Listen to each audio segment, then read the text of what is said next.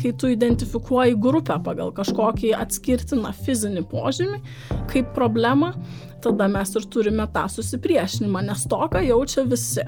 Ir vienintelis būdas didinti atsparumą, kad kai kas nors ateis ir pasakys, kad va čia dėl to, kad tie visi rudakiai, reiškia, čia sėdi, tai tu dėl to negauni pensijos, tai kad tu pažinotum tos rudakius ir turėtum kažkokių tai asmeninių kontaktų ir būtum investavęs juos, sakytum, pala pala, čia gal ne viskas taip paprasta, ar ne?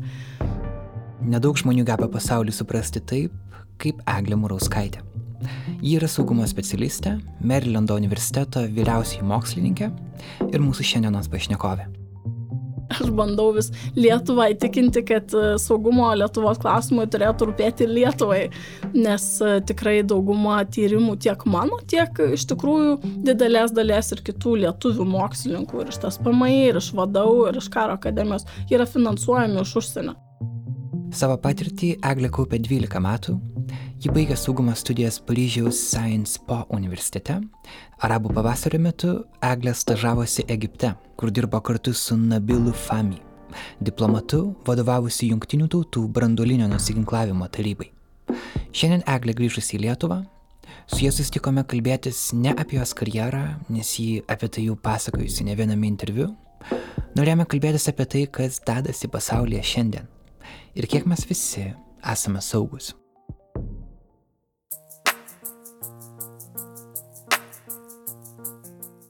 Su jumis Karolis Višniauskas iš Nanuk, jūs klausotės Nailo podcast'o. Su Egle kalbėjome apie JAV pasitraukimą iš vadinamojo Irano deal arba Irano susitarimo, taip pat apie Palestinos ir Izraelio konfliktą ir Lietuvos politikų laikyseną jo atžvilgių. Eglė davė didžiulį kontekstą norint suprasti istorinę Šiaurės Korejos ir Pietų Korejos naujos draugystės pradžią. Taip pat kalbėjome apie Lietuvos saugumą, apie Rusiją. Pabaigoje netgi palėtėme temą, kuri yra tarsi virš visų šitų temų. Tai yra klimato kaita ir ką ji pasauliui reiškia. Šiam epizodui prie interviu prisijungė fotožurnalistas, vienas nanukį kuriejų Artūras Morozovas. Artūras fotografavo konfliktus Ukrainoje, Palestinoje, Gruzijoje. Jo žinios gerokai praplėtė mūsų pokalbį. Epizodas bus ilgas, tad pasiruoškite tam, bet pažadu, neprailgs. Tarsi klausytumėte vieną įtraukiančią paskaitą universitete. Ačiū Egliai už ją. Tiesa, pradžioje norėjome atiduoti mažą duoklę dabartiniam Eglės darbui. Kartu su Marylando universiteto projektu ICONS jie ir komanda ruošia saugumo simulacijas valstybių vadovams. Tai skamba be galo įdomiai, nuo to mes ir pradėjome pokalbį, o tada jau nerėme į šiandienos politiką. Su Egle kalbėjomės gegužės 17-ąją.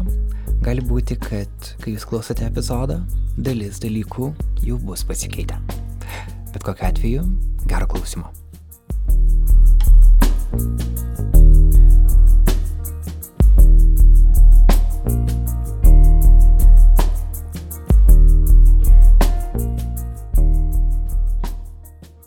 Gal pačia pradžioje dar kartą grįžtam prie tavo pačios istorijos, nes tu darai labai įdomų darbą. Tu dirbi, gyveni Lietuvoje, bet dirbi su Marylando universitetu JAV ir jūs dirbate prie saugumo simulacijų. Gali žmonėm, kurie nėra su to susipažinę, papasakot, kaip vyksta jūsų veikla? Na, čia turbūt viskas skamba egzotiškiau negu iš tikrųjų yra. Tai mes konsultuojam įvairias gynybos institucijas, padedam joms pasiruošti nenumatytoms situacijoms tai aš su komanda parengiu apie dvi tris simuliacijas kiekvienais metais. Tai reiškia kad mes kalbame su klientais kokius jie regioninius taškus mato arba kaip karščiausius arba kur jie mato spragas savo pasiruošime.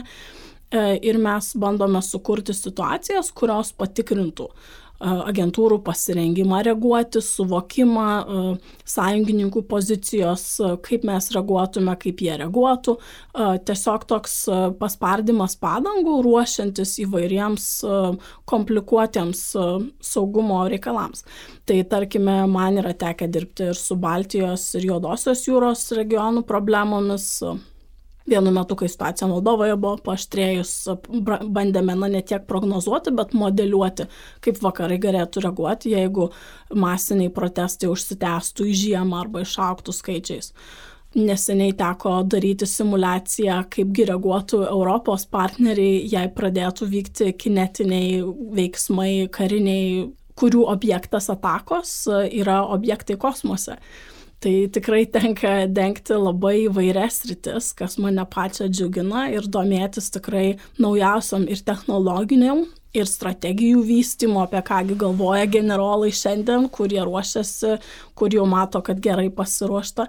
Ir nu, su naujienų ciklais tai ne visada sutampa. Bet tikrai retai tai būna, kad kažkas iškiltų naujienos ir tai mums būtų tada jau visiškai nauja ar netikėta, nes mes paprastai esam žingsnių prieki nežinau, man labai dar įdomu, kaip apskritai tas simulatorius atrodo, kaip jisai veikia ir nežinau, kaip, kaip viskas vyksta tai praktiškai, kaip jūs surenkat žmonės, kas um, tie žmonės. Žmonės yra savo sričių ekspertai, buvę diplomatai, kariškiai, kartais vis dar einantis valstybinės kokias nors pareigas, ambasadoriai, akademikai, saugumo ekspertai, civiliai, kariškiai, tikrai priklausomai nuo situacijos, kartais iš privataus sektoriaus labai gerai gauti informacijos, jeigu yra su kokia nors jautria industrija tai susiję. O simulacijos atrodo taip, kad e, aš rengiu scenarijų, kad e, va štai vyksta kažkokia hipotetinė krizė, ar ne? Ir žmonės paprastai yra komandose, na, vokiečiai atstovauja Vokietiją, prancūzai Prancūziją, mes ten kažkokių labai keistų dalykų daryti neprašome bet tiesiog reiškia, jiems yra pateikta krizė, va štai kažkas įvyko, kaip jūs reaguotumėte.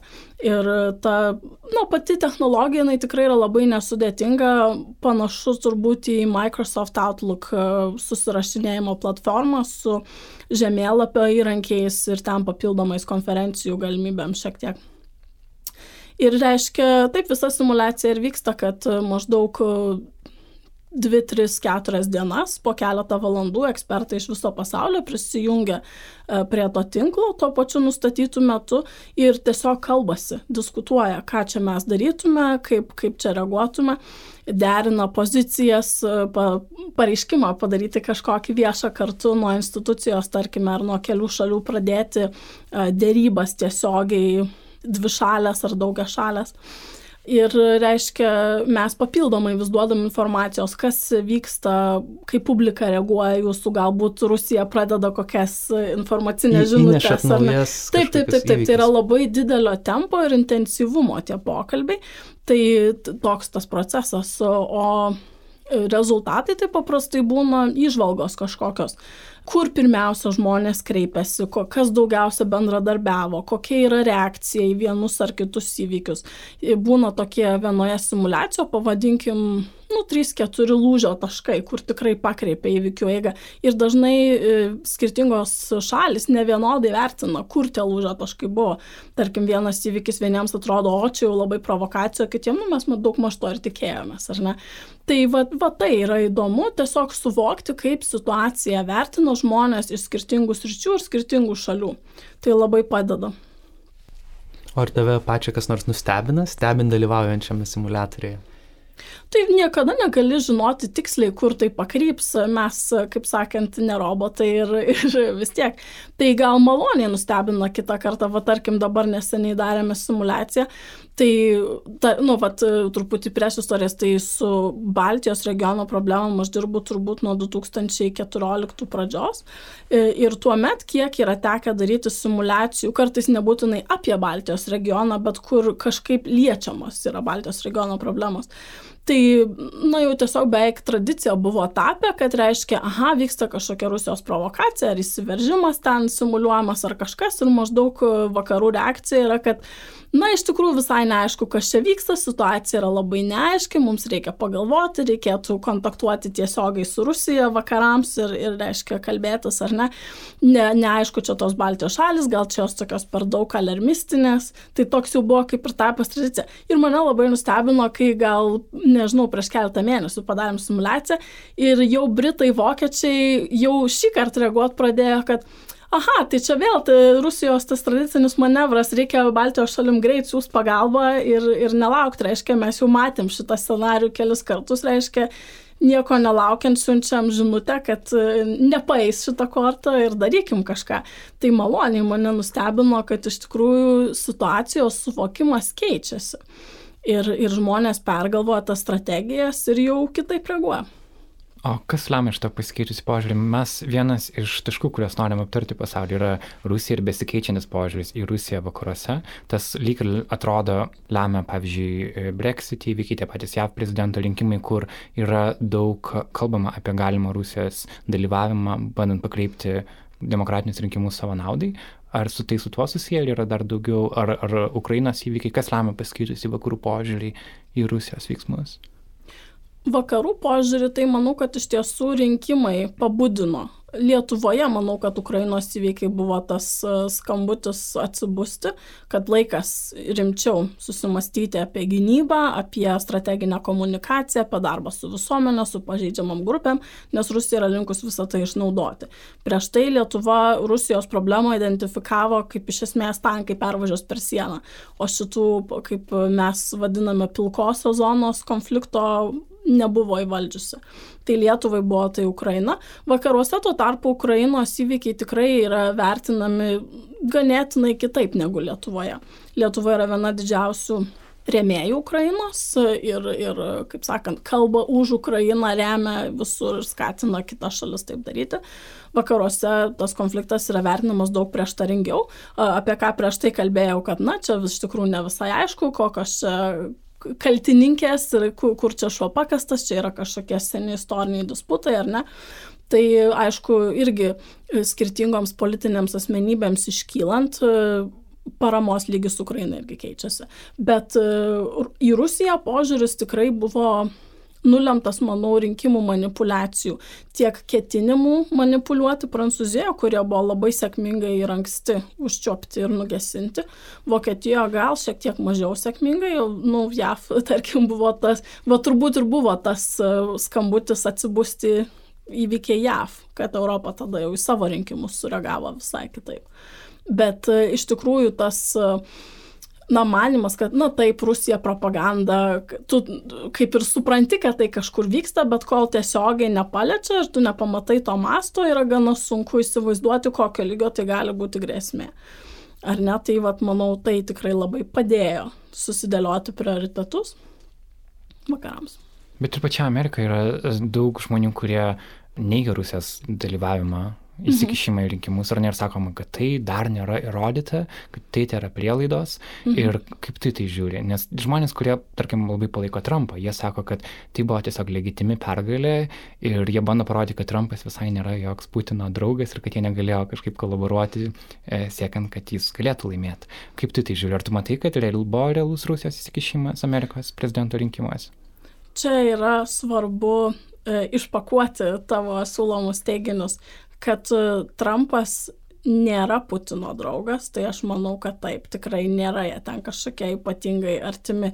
Gal pradžioj buvo kažkokios kaip tango vertiūros, e, kaip sakant, šokis priešingose arenos galuose, bet kad tikrai na, nėra kažkokio ten asmeninio ypatingo ryšio, bet rinkimais buvo manipuliuojama. Tai čia, tarkime, tų žmonių, kurie neigia Rusijos įsikišimą, vat viena yra iš naratyvinių technikų suplakti šitus dalykus, e, o iš tikrųjų tai na, ne, ne, neturi daug labai bendro. Tai ir tas Rusijos įsikišimas, na, mes neturėtume to suvokti kaip tiesmukų ir primityvių priemonių, nes nu, žmonės vis tiek nėra kvaili. Jeigu tu tiesiai ateitum, nežinau, ten pradėtum siūsti e-mailus rinkėjams, balsuokit už Trumpą, o ne Clinton, arba ten, nu, nu tokias primityves kažkokias žinutės, ne, nu tai nesuveiktų. Tai buvo ilgalaikė kampanija ir gana subtili. Tai tarkime ir Facebooko išaiškėja su analitika Britų Cambridge istorija, kai buvo tiesiog tendencingai, keli, kaip sako, keliais žingsniais iš toliau prie to prieinama, kad kokia tau reklama rodo, kokia informacija pateikiama apie Clinton. E, Bernie Sandersą, tarkime, manau, kad nokautavo patys demokratai nepelnytai ir anksti, nes aš manau, kad jis daugam iš tokių liberalesnių pažiūrų buvo gana artimas veikėjas. Ir vidiniai procesai ten buvo niuansuoti ir kaip ir galima tikėtis rinkimams įsibėgėjant, tos kovos aštrėjo savaime, bet buvo vis pakurstoma, atidengiant kažkokią informaciją, sulaikant ją tam tikrų metų.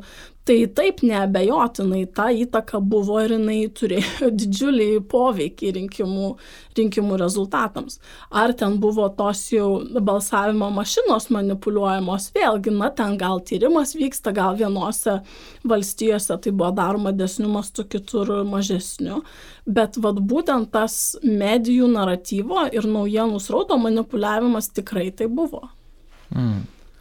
Bet kas buvo, tas atrodo dabar jau žmonės jau tarsi pradėjo susi, susi, uh, kažkaip susigyventi su to faktu, kad Trumpas yra JAV prezidentas ir dabar uh, jo valdymo metais jau matome pirmus jo veiklos rezultatus, kurie irgi yra labai kontroversiški. Pavyzdžiui, paskelbimas, kad JAV pasitrauks iš vadinamo Iran deal arba Irano sustarimo, tai buvo vienas didžiausių Obamos administracijos, ką jie patikė kaip vienas didžiausių savo laimėjimų, kad jie sutarė su Iranu dėl to, kad jie kad Iranas nevystys savo brandulinių ginklų programos. Uh, Trumpas nusprendė iš to išeiti. Ką tai reiškia pasauliui? Na, reiškia iš tikrųjų daug. tai iš karto pasitraukus mes matėme didžiulius protestus Irane.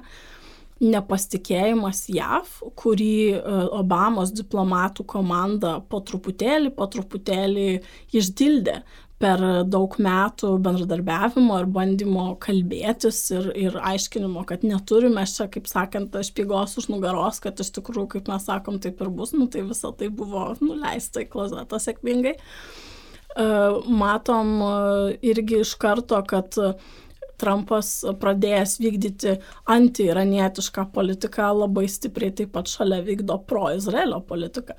Tai ambasados atidarimas Jeruzalėje buvo labai kontroversiškas žingsnis ir tarkim pasitraukus iš to iš Irano susitarimo ir atidarius ambasadą kelių dienų tik skirtumų prasidėjo bombardavimas artilerijos svediniais, reiškia iš Sirijos teritorijos, Irano lemiamos jėgos savaitgalį praeitą apšaudė taikinius Izraelyje. Izraelis, aišku, atsakė su didžiulė jėga, E, irgi ir, ir nu, konfliktas, konfliktas buvo pakurstytas. Tai čia tokie, kaip sakant, iškart aiškiai matomi ir juntami padariniai. E, truputėlį labiau vidutiniu laikotarpiu, tai mes matom, kad tai sustiprins e, Irano konservatyvosius klerkus, pakurstys dar labiau, na, aš nežinau, kiek tai religiniai motyvai, bet jau tikrai antivakarietiški kad uh, tikrai va matot, negalima jais pasitikėti, negalima nieko su jais tartis, jie vis tiek jūs apgaus, reiškia ir tas uh, gal šiek tiek Šiaurės Korejos džiučia primenanti doktrina, kad reiškia kliautis galima tik savim ir kad mes turim parodyti, mes turim, reiškia, demonstruoti jėgą, nes kitaip tiesiog pervažiuos per mus. Tai šitos nuotaikos yra labai sustiprintos. Um, taip pat, aišku, nereikėtų pamiršti, kad kadencijos pradžioje Trumpas ėmėsi griežtų priemonių riboti atvykimą į JAV ir rezidavimą iš nemažai vidurio rytų ir Afrikos šalių, įskaitant ir Iraną. Ir aš tuo metu irgi apie tai kalbėjau, kad tai palėtė e, daugybę mokslininkų, tiek aišku ir politikos moksluose, tiek ir tiksliuosiuose ir, ir įvairiose sritise. Nes Irane mokslo sektorius yra labai didelis ir labai augantis. Kas ir medicinos. Galbūt, taip, kas galbūt Lietuvoje ta žinia retai ateina. Aha. Labiau mes gaunam žinias apie karų susijusias naujienas, mhm. bet ne su mokslu iš Irano. E, taip, ir na vienas dalykas, kad tų, pavadinkime, minkštųjų kažkokių socialinių ryšių, kurie na, natūraliai formuotųsi kapojimas, e, tai tikrai mažina tik tai toliau suvokimą, kokia yra situacija reali yra, ne, kurie, kokios ten yra vyrauja kultūrinės nuotaikos, politikos rovės. Ir mažina galimybę konstruktyviai susitarti ateityje. Taip pat e, irgi nevertėtų pamiršti, kad e, JCPOA susitarimas Irano, tai buvo JAV tik tai viena iš dalininkių, mes taip pat turėjome Europos e, ir, ir kitas, kitas galės, kurios padėjo tam susitarimui atsirasti. Tai kokias išvadas pasidaro, tarkime, Kinija, Rusija, ta pati Šiaurės Koreja, žiūrėdama į tokią diplomatiją, tai galima tik spėlioti, kad vėlgi reiškia, ką jūs sakote, ką jūs pasirašote, tai taikiuoju būdu diplomatiniu, tai vadinasi nieko neverta. Ir taip pat matant, kad jau tas katilas reiškia kunkuliuoja kad Iranas aktyviai tiksliau Irano, kaip pasakyti, radikalieji elementai, kurie, kaip minėjau, dabar su pagreičiu tiesiog yra įgavę publikos paramą. Tai jų remiamos įvairios jėgos tiek Irake, tiek Libane, tiek Jordanijoje, Izraelyje ir šalia. Tai jos yra labai suaktyvėję. Ir reikia vis didesnių pastangų tiek Sirijoje, aišku, ir Jemene nevertėtų pamiršti. Ir vis didesnių pastangų reikia, kad, reiškia, išlaikyti kažkokį tai, na, pavadinkime, taikos šydą tame regione. Ir aišku, žvilgsnis pirmiausia ir krypsta į kitas JCPOA susitarimo dalininkės, kad kaip ir, na tai kur jūsų tie garantai, ar ne, pagarbos ir pagalbos ir taip toliau.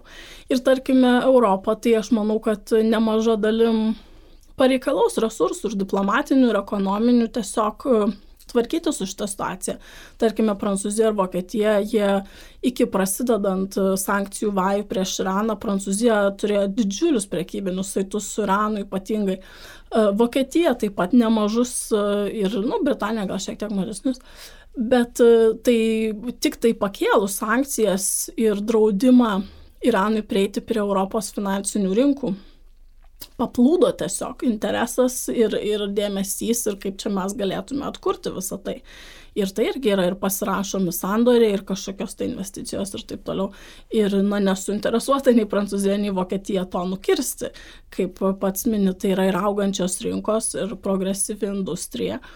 Ir vėlgi išsaugoti taiką diplomatinėmis priemonėmis, kad tie prekybiniai ryšiai klestėtų tikrai nebus paprasta reiškia bus mažinamas dėmesys kažkokiem kitiem konfliktam ir situacijom. Belieka spėti, kuriem iš kur bus nukasta. Ar galimas tam tikras e, Europos ir JAV susipriešimas to klausimu? Manau, kad taip. Kokį lygį jis pasieks, aišku, irgi nu, galim tik spėlioti. Bet nereikėtų pamiršti, kad, kaip minėjau, Europa buvo uh, daug labiau proiranietiška ilgą laiką ir prekybinius iš jūs palaikė daug ilgiau. JAV pradėjo taikyti sankcijas pirmą ir jeigu neklystų po dviejų metų tik tai įtikino ES prisijungti prie švelniausių sankcijų ir palaipsniui griežtinti tos metodus kartu. Istorija, kaip sakant, irgi nepamaišytų šiek tiek, kad Iranas taigi ne visuomet buvo juodoji vis ir tie santykiai su Amerika tikrai ne visuomet buvo tokie juodi. Tai žinoma, ambasados e, užgrobimas e, ten 75 barots metais. Ir, ir radikaliųjų jėgų ateimas yra ne į valdžią, tai buvo vienas iš tų posūkių, bet, ne, nu, kaip sakyt, Izraelis labai aktyviai, iz, Izraelio lobistai labai aktyviai, reiškia, tikino ir kalbėjo JAF galioms į ausį, kad e, mūsų galimybei egzistuoti saugiai ir nepriklausomai iš pradžių Irakas kelia didžiulę grėsmę, buvo nukariautas, taip, o paskui, kai Irakas, reiškia, buvo nukariautas, bet kažkaip ta taika ir, ir ramybė nesimaterializavo, tai nukrypo žvilgsnis į Iraną. Tai tarkim, kadangi Amerika ir Izraelis palaiko ypatingai glaudžius ryšius, tai aš manau, kad nu, tikrai nemaža dalim ta konfrontacija aštrėjanti pradžia sėklos buvo pasėtos ten. Tai Europa neturėjo, tarkime, šito Europa bendrai yra daug atsargesnė ir nusaikesnė Izraelio atžvilgių ir, ir va to susipriešinimo nei su Iraku, nei su Iranu va tokio nebuvo, kol neužaštrėjo, tarkim, ar ta brandolinė kontrabanda ar kiti dalykai. O kodėl dabartinė JAV administracija yra tokia pro-izraelietiška? Nes, pavyzdžiui, sprendimas dėl ambasados perkelimo į Jeruzalę, jis tarsi nuolat buvo nukelinėjamas skirtingų JAV administracijų ir tai atrodė kaip tai nebuvo daroma siekiant neižiepti didesnio konflikto, koks jau ten ir taip egzistuoja. Ši administracija nusprendė, kad reikia tai padaryti ir rezultatai iš karto jau tą pačią dieną daugiau nei 50 palestiniečių žuvo, 2000 sužeisti, didžiuliai protestai. Kam viso to reikėjo, kaip tau atrodo? Na, mes galime kalbėti apie Trumpo pažadus rinkėjams, mes galime kalbėti apie konservatyves respublikoniškas valstijas JAV, tą patį vadinamą Biblijos žiedą, The Bible Belt, kaip sakant. Kurios tai valstijos, primink? Vid, vidurio, Midwest reiškia, vidurio, mm. vidurio vakarų. Ir evangelikų bendruomenė, kur yra. Taip, taip, taip, kur tiesiog ypatingai konservatyvios yra mm. tos bendruomenės ir vat, būtent religinių principų, krikščioniškų religinių principų konservatyvios. Bet aš manau, kad tai buvo gal šiek tiek ir plačiau bandymas užsimoti, kad, reiškia, tie ISIS islamistai, radikalai kažkokie, tie palestiniečiai kovotojai, ten dar kokie Hezbollah, kad reiškia, darykit jūs, ką norit, o mūsų vat, vis tiek nuspręsim ir mes padarysim taip. Tai aš manau, kad čia toks buvo bandymas išstoti ir pademonstruoti galę jok, jokios tegmenos, kad tai nepavyko, nes, nes nu, netaip reikia su šitom problemom tvarkytis. Bet e, taip, aš manau, kad tai buvo gal iš dalies e, toks labai aiškiai matomas įsmeigtas mygtukas, kad va, aš kaip pažadėjau per, per prieš rinkimus, taip aš ir padariau, bet ir kartu bandymas e, na gal Trumpo įsivaizdavimo bandymas atsverti kažkiek tą vat, radikalių jėgų populiarėjimą regione ir Jeruzalės palaikymas, vat, jis turbūt įsivaizduoja, kad, kad tai, tai taip veikia. O Lietuvos pozicija šio klausimu berots žiemą buvo, Lietuva pritarė jungtinių tautų rezoliucijai, kad Izraelis tarsi turėtų būti šventa sostinė abiejų, tiek palestiniečių, tiek izraeliečių. Ir kaip vienas dalykas, be abejo, mes galime vertinti tą diplomatinį palaikymą, kurį girdėjom tuomet iš užsienio reikalų ministerijos, berots iš prezidentūros, taip pat ir Izraelis, aišku, pasmerkė ir, ir, ir Izraelio ambasadoris Lietuvoje supyko ir sakė, kad tikėjosi kitokios pozicijos. Tačiau kaip manai, kaip, kaip Lietuvos visuomenė žiūri tai ir kodėl, sakykim, tas Palestinos klausimas pas mus yra pas, labai sudėtingai, gal ne tik pas mus, apskritai Europai, labai sudėtingai priimamas ir tarsi mes, Izraelis mūsų vieni iš partnerių, strateginių turbūt partnerių, tačiau tuo pat metu mes turime kitą problemą, kuri tarsi reikalauja, nežinau, kažkokių, kažkam nuolaidų ir, ir labai sunkiai taip Lietuvoje, kaip manai Lietuvos pozicija vat, Palestinos klausimu kokia jinai yra ir galbūt kokia jinai galėtų būti. Na, aš manau, kad Lietuvos pozicija Izraelio klausimu yra šiek tiek problematiška. Tai čia galbūt tas e, žiemos išstojimas Jeruzalės kaip sostinės klausimų buvo netgi, sakyčiau, toks nukrypimas nuo standartinės linijos, nes Lietuvogi paprastai yra super proizraelietiška ir, ir kiek tenka būti ir gynybos susitikimų, tai mėgstamiausi pavyzdžiai yra Izraelio IDF, Estijos savanorių pajėgos ir jau paskui eina visi kiti. Tai nežinau iš tikrųjų, koks galėtų būti atsakymas, aš galiu tik tai spekuliuoti, bet kad e, visuomenė yra labai proizraelietiška ir antipalestinietiška, tai kiek aš pastebiu, tai taip kol kas. Tai na, galėtų tai būti keletas faktorių, tarkim, vėlgi tas pats e, Lietuvos toks keistai ne, nekvestionuojamas Amerikos palaikymas, bet kokiu klausimu. Visada pastebėkim, kad Lietuva išstoja pirma ar kare į, į Iraką, ar reiškia pareiškimams palaikyti, kad yra masinio nuginimo ginklai kūriami kažkur, ar na kokį žingsnį tik Amerika bežengtų rinktinėse tautose ar NATO, Lietuva beveik visada pirma ir kartais, nu viena iš nedaugelio visada iššoka, kad valio, valio, taip ir taip ir turėtų viskas būti, ar ne? Tai aš nežinau, galbūt yra tikimasi, kad toks besąlygiškas palaikymas kažkaip tai uždirbs papildomų taškų, bet, nu, ne pagal tai turbūt renkasi sąjungininkus. Amerikiečiai patys savo politikai yra gerokai kritiškesni negu lietuviai Amerikos atžvilgių, tai manau, tas yra jokinga. Negalima tai priimti kažkokios tai uh, nežinau, ar čia iš sovietų kokios totalitarinės tradicijos ar baimės kažkokios, kad jeigu tu kritikuosi, diskutuosi, tai reiškia, kad jau tu čia kaip ir išduodi, ar ne? Tai kad Amerika tokia proizraelietiška, tai gal ir taip, va, nu, besąlygiškai Izraelį palaiko. Buvo kalbama, kai, kai Lietuva nepalaikė sprendimą dėl perkelti JAV ambasadą į Jeruzalę, Daugas iš konservatyvesnių politikos komentatorių sakė, kaip taip. mes galim nepalaikyti Amerikos. Taip, taip. Juk jie mūsų svarbiausi sąjungininkai. Netgi link, linksnevo, kad jau Linkevičius, užsienio reikalų ministras, čia yra paskutinės vos nedienos o, ir jis turėjo tai ten kilimą. Bet o, o kaip man, ar įmanoma, kad Lietuva nes perkeltų tą ambasadą į Jeruzalę ir pasiektų JAV ir kokios dar valstybės? Vengrija berots, ar ne, ne, buvo, buvo dar keletas valstybių dar Europoje buvo, kurios planuoja taip pat. Bet viena dabar perkelė. Ar Etiopija? Ekvadoras berots. Bijau pameluoti, bet... Nežinau, pasieks... ta prasme įmanoma, tai gal ir įmanoma, nes kaip sakau, va, yra visuomenės labai didelis tam palaikymas.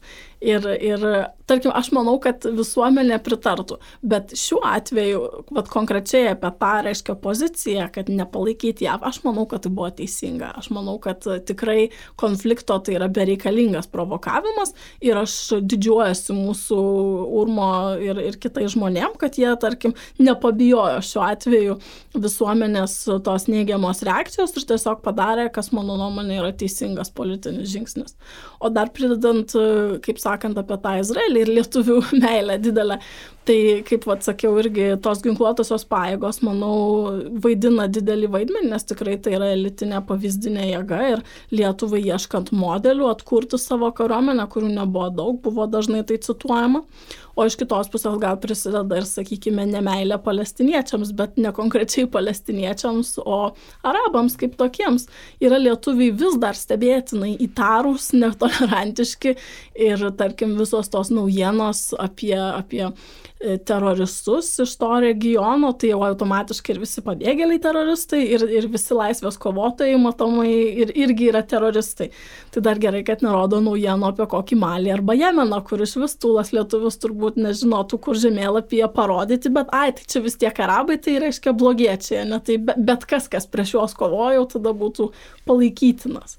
Ar tai gali būti susijęs su Lietuvos holokausto istorija, nes Dažnai Lietuvoje kritika Izraeliui suprantama kaip antisemitizmas, kad jeigu tu kritikuoji Izraelio valstybę, tu tarsi kritikuoji ir žydų, pasaulinę žydų bendruomenę. Praktiškai vos ne taip yra manoma. Nors yra daugelis žydų, kurie yra antidabartiniai Izraelio politikai. Bet Lietuvoje atrodo, kad tai yra tiesiogiai susijęma, kad tu negali, kad tarsi savotiškai vos ne bandi, bandant išpirkti kart, kaltę už holokaustą, tu tarsi turi palaikyti Izraelį. Taip, taip aš manau, kad čia yra vat, trečioji Aha. ta naratyvinė gyja, aš irgi apie tai mašiau, kad taip, turbūt yra kažkiek to kaltės elemento ir vėlgi turbūt, nu, sunku lietuviams kažkaip ar suvokti, ar atrasti tą balansą, kad tarp konstruktyvios kritikos išlaikant partnerystę, ar ne. Tai tarkim, nežinau, kiekvieną kartą, kai, kai yra pakeliama ta ar holokausto istorija, ar įteikiami kokie tai medaliai žydų gelbėtojams, ar identifikuojami tie žmonės, kurie kolaboravo žudant žydus, nu, Izraelio palaikymo Lietuvai kažkaip tai tas nepaveikia.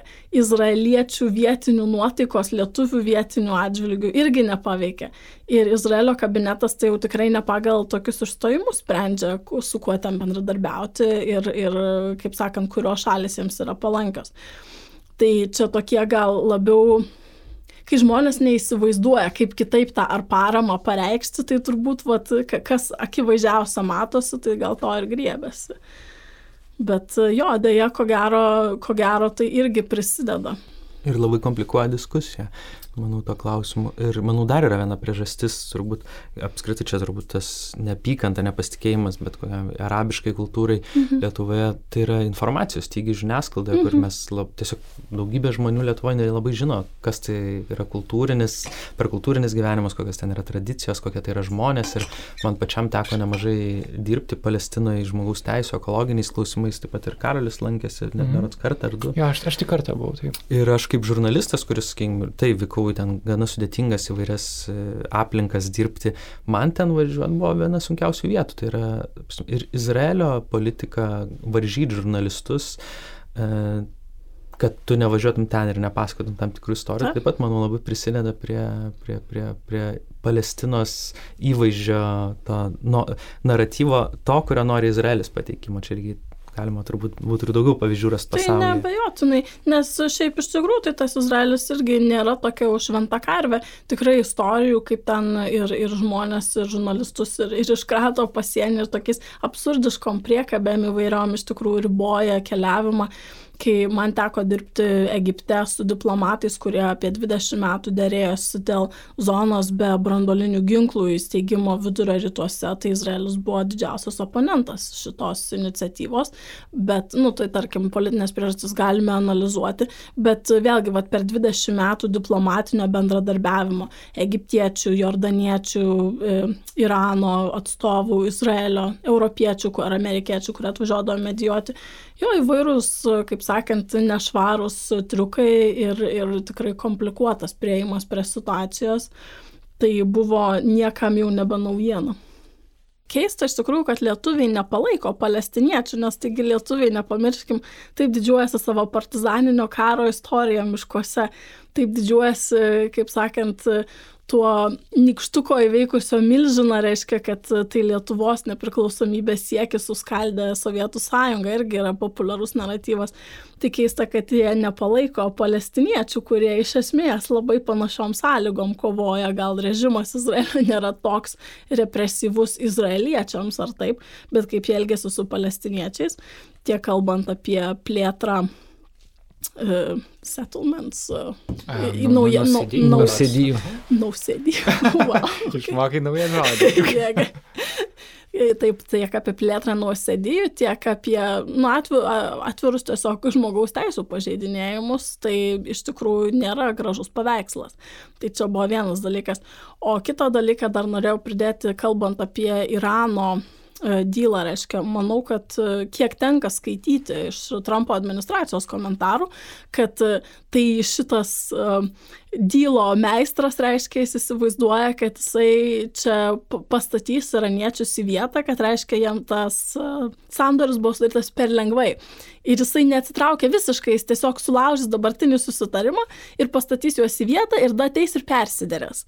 Tai aš manau, kad tai yra labai tikrai problematiška logika, nes, kaip minėjau anksčiau, tiesiog tai toks Amerikos elgesys pasėjo didžiulį nepasitikėjimą JAV diplomatiją tiek iraniečių tarpe, tiek ir turbūt viso pasaulio. Tai sėsti iš naujo prie darybų stalo, jeigu iš vis tai pavyks, manau, bus nepalyginamai sunkiau. Bus antras Tomas. A Art of the Deal. Pažiūrėsim, ar pavyks.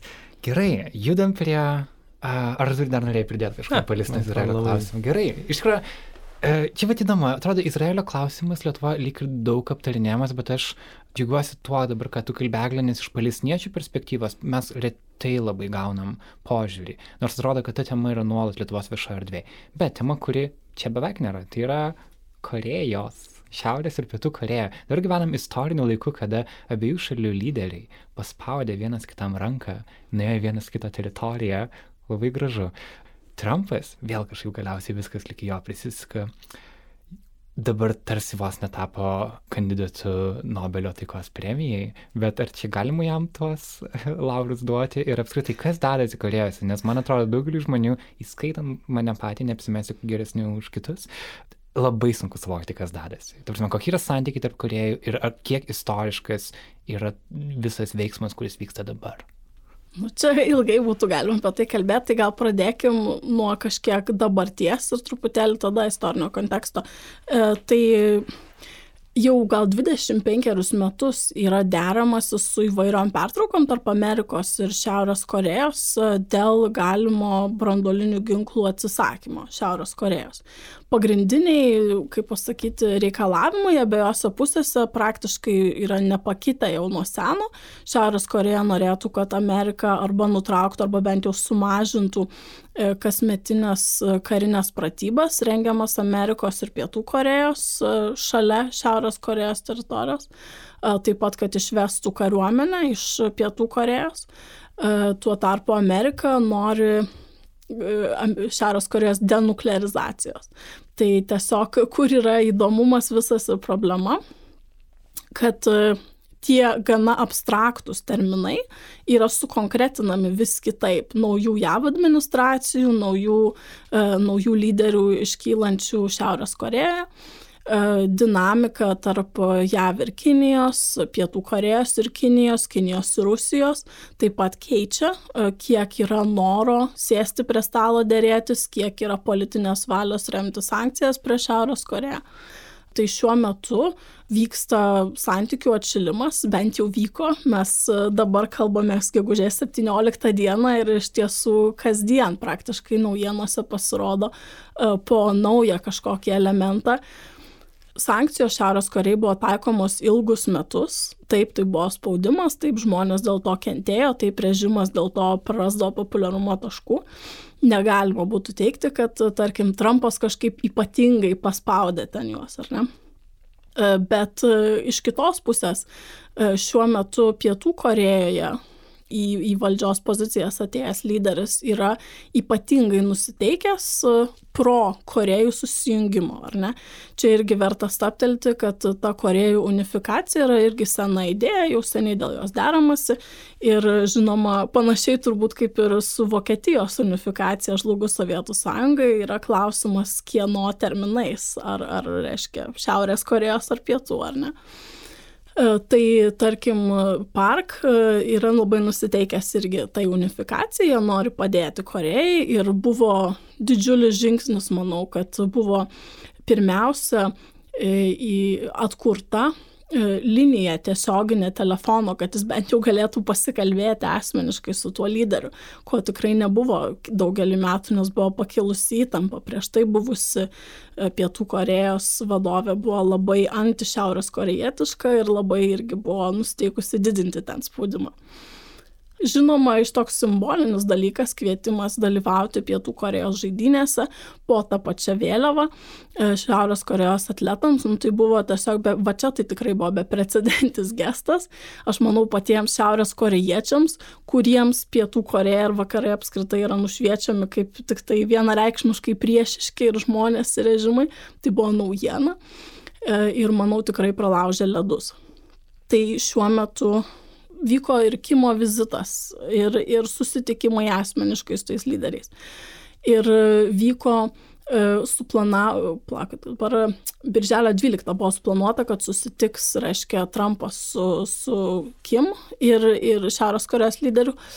E, ir pasiruošiant tam sustikimui iš Šiaurės Korejos buvo net keletas geros valios gestų, tai buvo e, ir paleisti trys berots amerikiečių sulaikyti piliečiai e, ir buvo e, sprogdinamas demonstratyviai Šiaurės Korejos balistinių raketų testavimo kompleksas. Dėl pastarojo, nu, tokia nevienareikšmiška situacija, nes e, analitikai teigia, kad jis jau ir tai buvo apgriuvęs ir iš tikrųjų ten daugiau, nu, toks tuščias šau žurnalistinis yra, e, bet kaip ne kaip tai yra pastanga vis dėlto, ar ne? E, bet e, visų šitų geros valios gestų akivaizdoje, e, tai iš trumpo geros valios gestų mes nematėme jokių, nei politinių, nei kokių kitokių, kaip tik Twitter'yje buvo dar paspjaudyta ant Kim Jong-uno. Ir, ir reiškia, buvo atšauktas susitikimas planuotas su Pietų Korejos lyderiu, netikėtai turėjęs vykti gegužės 16 dieną vakar buvo netikėtai atšaukta ir, ir šiuo metu netgi yra pakibę ant lauko, ar susitikimas Kimo su Trumpu neaišku, ar jis vis dar įvyks. Tai šiuo metu yra deramasi užkulisiuose kaip tankas ar ne. Tai tokia ta diplomatija ir, ir didžiosios viltys ir, ir nu, labai jos dūšta. Bet gal verta irgi kalbėti apie nu, ne vienareikšmiškus lūkesčius, ko, ko yra tikimasi. Tarkim, dabar buvo prašoma Amerikos administracijos, kad Šiaurės Koreja nusiginkluotų, va tada nuklearizacija. Tai ką jie sako tiksliau, kad norėtų, kad būtų sustabdyta brandolinė programa, taip pat, kad būtų išvežti iš Korejos cheminiai ir brandoliniai ginklai, apie balistinių raketų programą, kiek žinau, nieko nėra sakoma, bet kadangi yra akcentuojama, kad reiškia problema, kad nepasiektų tos brandolinė galvutė Abingholtos raketos Amerikos, tai galimai yra turimo omenyje kažkokie ribojimai Šiaurės Korejos raketų nuotoliui kad tam tikro nuotolio raketos, kurios galėtų Ameriką pasiekti, kad nebūtų jos vystomos, ar ne. Tai, o, o apie sankcijų mažinimą, kuris dabar yra, ar pagrindinis Korejos reikalavimas ir mažinimą tų karinių, reiškia, pratybų, ne, neužsimenama. E, kad Amerika neišves karinių pajėgų, pajėgų iš Pietų Korejos, tai jau kaip ir aišku. Uh, Bet vat, net apie mažinimą tų, reiškia, pratybų nekalbama. Tai nuo Šiaurės Koreja, manau, Kimas irgi nėra pirštų penimas, jisai toj politikoje, nu, kol kas yra seniau negu Trumpas yra atėjęs iš dinastijos, irgi valdytojų autoritarų. Manau, jisai tokių dealmakerių matęs yra ne vieną. Tai tarkim, nu, aš nesu nei vieno, nei kito pusėje, bet tiesiog nušviečiant situaciją, aš manau, kad vėlgi Amerikos dabartinė vadovybė elgėsi gana karštakošiškai. Tai mes matome ir patarėjus Boltoną ir Pompejo, kurie nebejotinai, nu, ilgą laiką yra išsakę tokias pozicijas. Tiek Irano, tiek Šiaurės Korejos, tiek net ir tos pačios Rusijos ir Kinijos atžvilgių, kad turi būti tvirta kumščio politika, mes turim čia pademonstruoti galę ir valią. Ir matyti, Trumpui daro įtaką tie argumentai. Bet tarkime, kiek kiek galėtų būti pasistumėta būtent brandolinio nusiginklavimo atžvilgių, tai visai neaišku, nes net ir tiek tarp kitko tam pačiam Irane, tiek ir, ir Šiaurės Koreja visiškai nėra kalbama apie tai, kaip galėtų būti, nu, ką daryti su tuo, kas dabar yra žinios, tiesiog žinios. Mhm. Tai Irano dylas, tarkime, buvo iškėlęs e, ir mokslininkus, ir, ir research facilities, mokslinės e, infrastruktūrą, pavadinkime, infrastruktūrą tyrimų ir, ir karinę infrastruktūrą į paviršių, kad tai buvo inspektuojama, užrašyta ir buvo galima sekti progresą. Šiaurės Koreja nebuvo bandoma tokio pavadinkimo ar surašymo ar kažkokio tai oficialaus dalyko įvesti, mes daug maž žinom, kur tie pagrindiniai reaktoriai, ar ne. Ir, ir vis tiek, va, tarkim, matėm 2008 metais labai intensyviai vyko darybos, Jongbionas buvo uždarytas tuo metu pagrindinis reaktorius ir ką, vis tiek mes matome toliau besiveržiančias, reiškia, ir raketų programą, ir brandolinę programą. Tai net jeigu jie ir sutiktų ten, tarkim, nebe, nebetestuoti, tai gal jie pasiekė tokį lygį, kad testuoti nebereikia jeigu jie sutiktų pamažinti vieną kelią ar plutono ar urano, tai gal tiesiog jau kitas kelias jiems yra priimtinesnis. Tai tarkim irgi tie abstraktus garsų žodžiai, kuriuos mes girdime naujienose, denuklearizacija ir reiškia taikos dėrybos, tai kas ten techniškai po jais paslėpta, va ten visa esmė ir yra. Wow. daug naujienų, daug naujienų. Bet uh, apskritai, uh, žinai, Šiaurės Koreja mes matom kaip tą vietą, kuri atrodo yra tokia didžiausia diktatūra pasaulyje, uždariausia šalis, kur yra kažkoks absoliučiai kitas pasaulis. Ar mhm.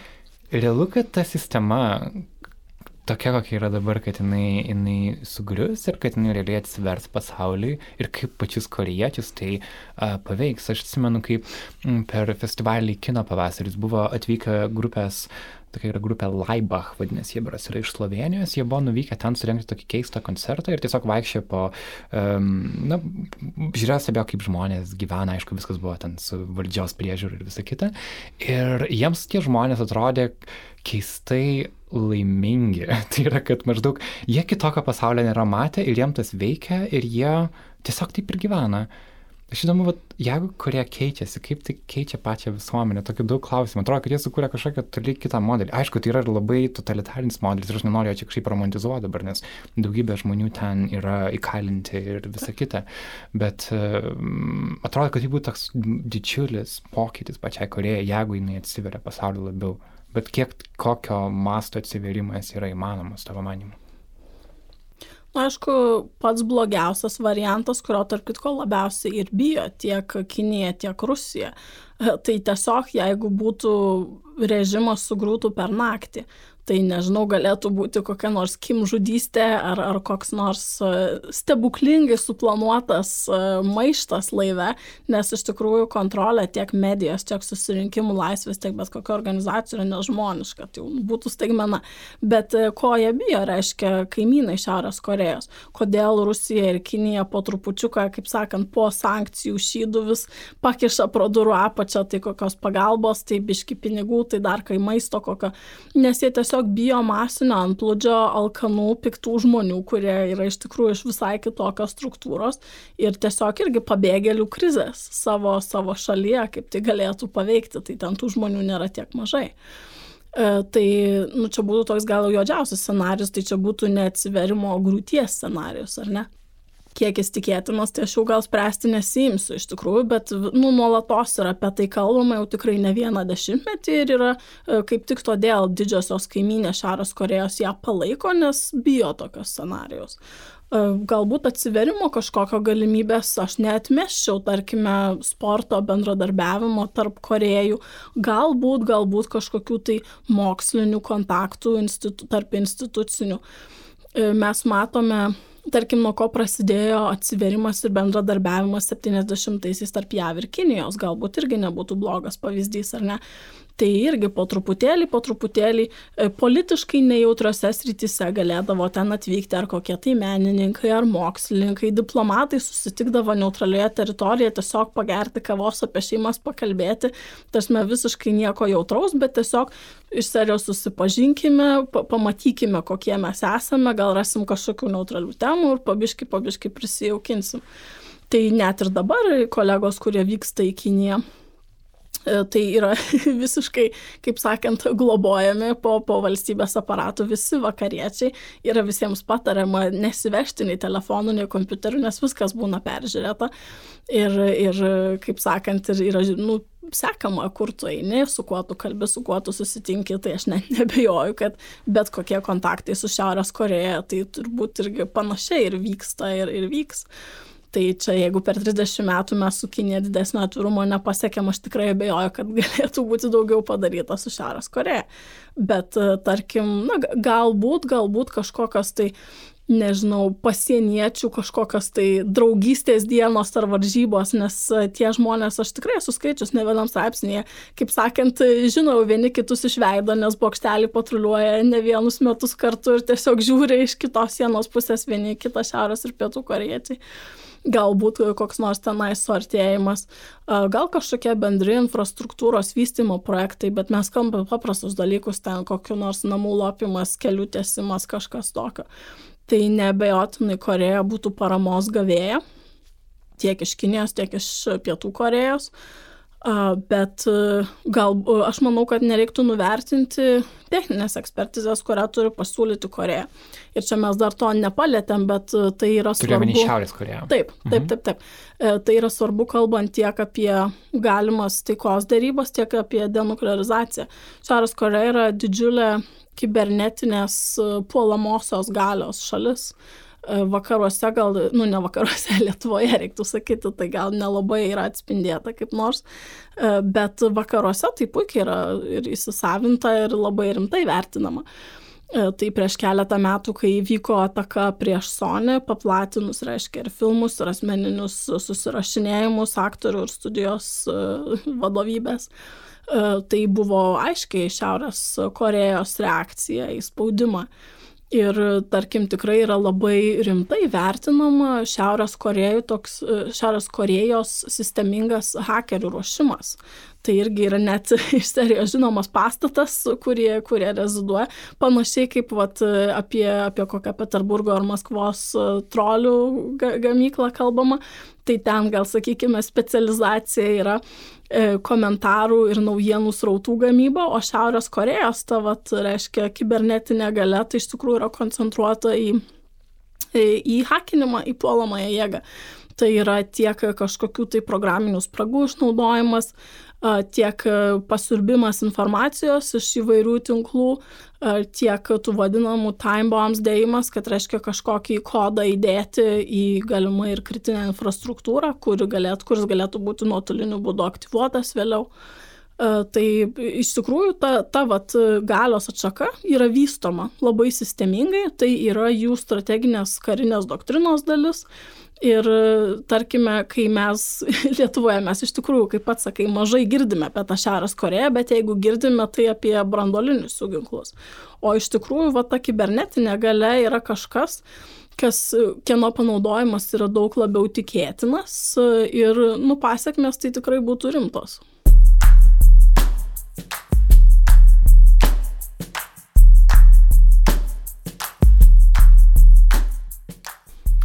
Perinam prie Lietuvos, ar turi? Taip. Ačiū labai, Eglė, kažkaip taip malonu klausyti, kaip tu gebi taip sudėtingą ir tokį painų šiandienos aktualijų, tarptautinių aktualijų visą paveikslą paprastai. Aš taip stengiuosi iš tikrųjų tą išrišti ir žmonės sudominti, nes, nu, aš galvoju, man pačiai būna taip kartais, kad kai atsiduri kažkoje naujoje temoje, kur, nu, nelabai gaudysi, bet turi greit susigaudyti dėl darbo reikalo ar dėl kažko. Ir tai tu matai, viešpatė, tai yra tokie informacijos rautai, tokia istorija, nors nu, niekada čia nesuprasiu ir tiesiog nuleidai rankas. Tai man taip norisi, kad žmonės nežiūrėtų šitaip į pasaulio istoriją. Nes mano pačios, atsimenu, buvo didžiulė frustracija, kai aš suvokiau, kaip mane mokykla apiplėšė pabaigusi, reiškia, istoriją antrojo pasaulinio karo darybom. O tai kur visa Kinija, kur, kur vidurio rytai, kur vienu žodžiu Afrikos visos realijos dalinimaisi.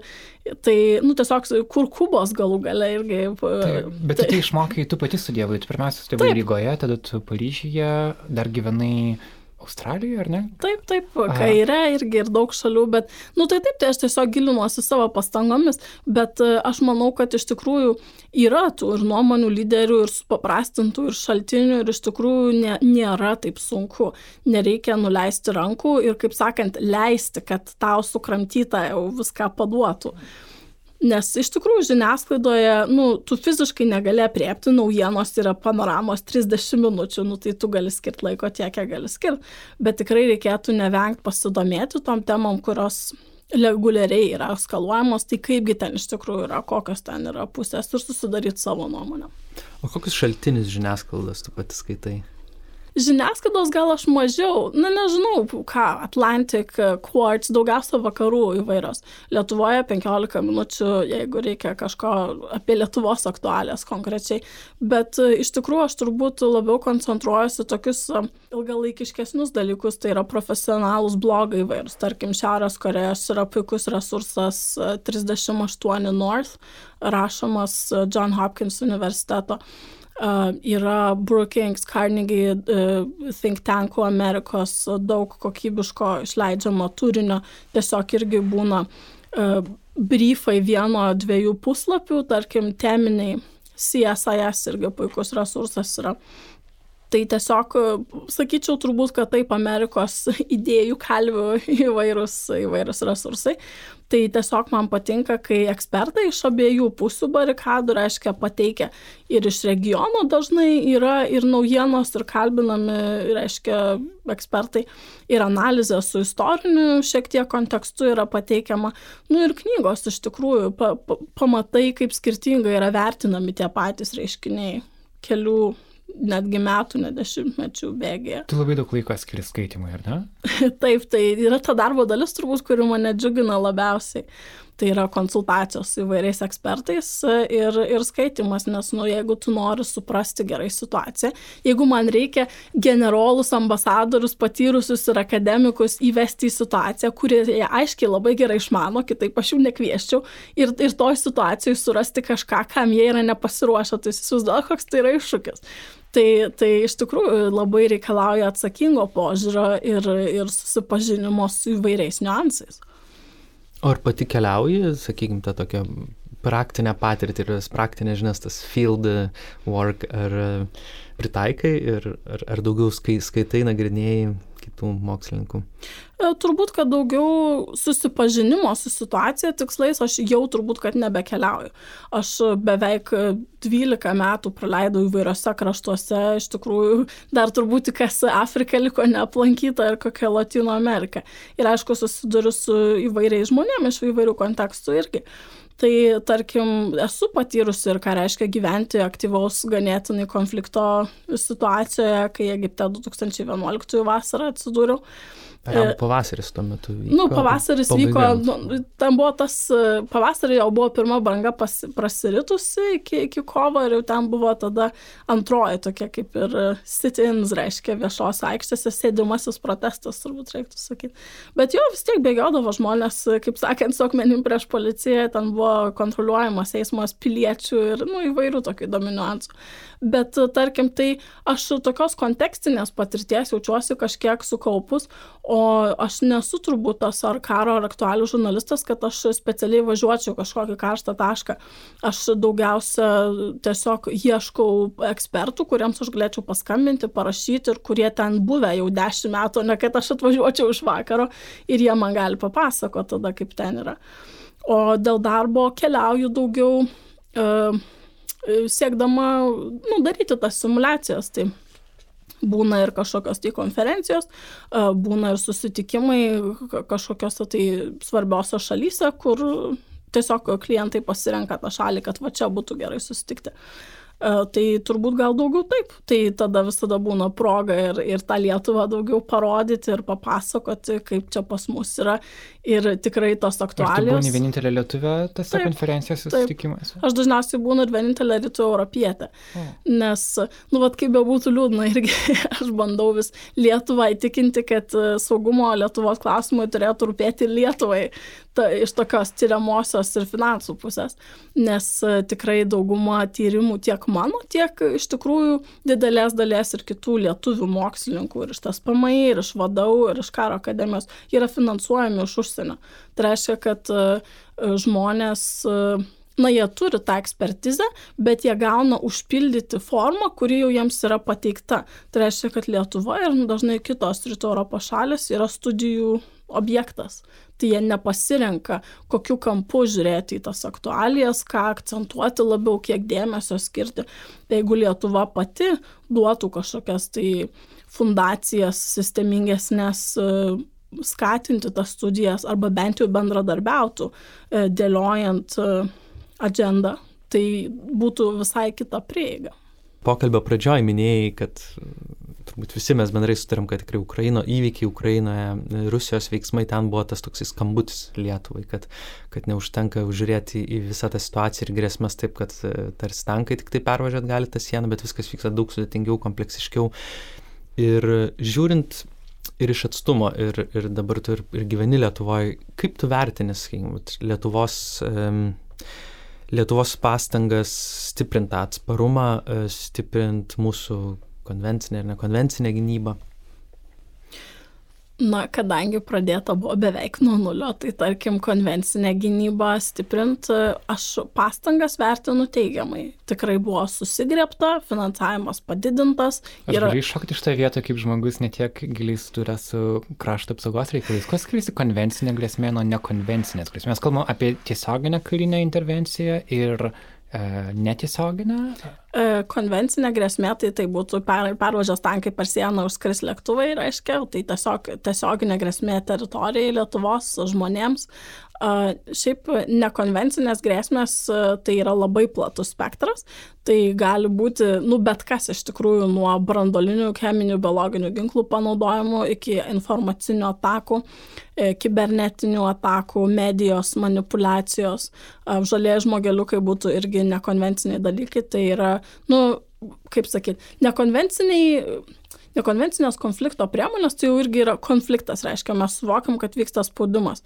Aš gal darbę labiau naudoju savoką pilkoji zona, tai reiškia, kad mes nesame atvirame kare, nieks nešaudo, bet nutolstame nuo tos taikos supratimo vis labiau ir labiau. Mhm. Tai čia vat, į tą pilkąją zoną labiau patektų kibernetinės atakos, ekonominis, politinis spaudimas, manipuliavimas naujienomis, komentarais, žiniasklaidos priemonėmis, čia būtų jau pilkoji zona labiau. Mm. Tai va, tai kaip minėjau, manau, kad e, atremti galimai konvenciniai atakai tikrai yra sudarytos visos sąlygos, yra tikrai labai pakeltas dėmesys NATO sąjungininkų ir aišku, mes matėme po Varšuvos sustikimo čia jau dabar uh, dislokuotus uh, multinational uh, multinacionais, batalhones, Tarptautinės, nors jo, multinacionalinės. Nu, ne visai tas yra, ne? Kuriam vadovauja Vokietijos. Taip, taip, taip. taip. E, ir, žodžiu, tai taip ir pirkimų procesas yra įsuktas, aš kaip esu didelė gerbėja oro pajėgų visą laiką ir mėgdavau važiuoti į e, lėktuvų karinių šou visose šalyse. Stai liūdėdavau, kad Lietuva tai turi vieną nusususi straiktasparnį, tai dabar jau matau, kad ir šiek tiek pirkimai irgi didėja viešieji, ne tik tai bokserių ir tanko, apie kuriuos nebejotinai visi girdėjom, bet ir kitose srityse.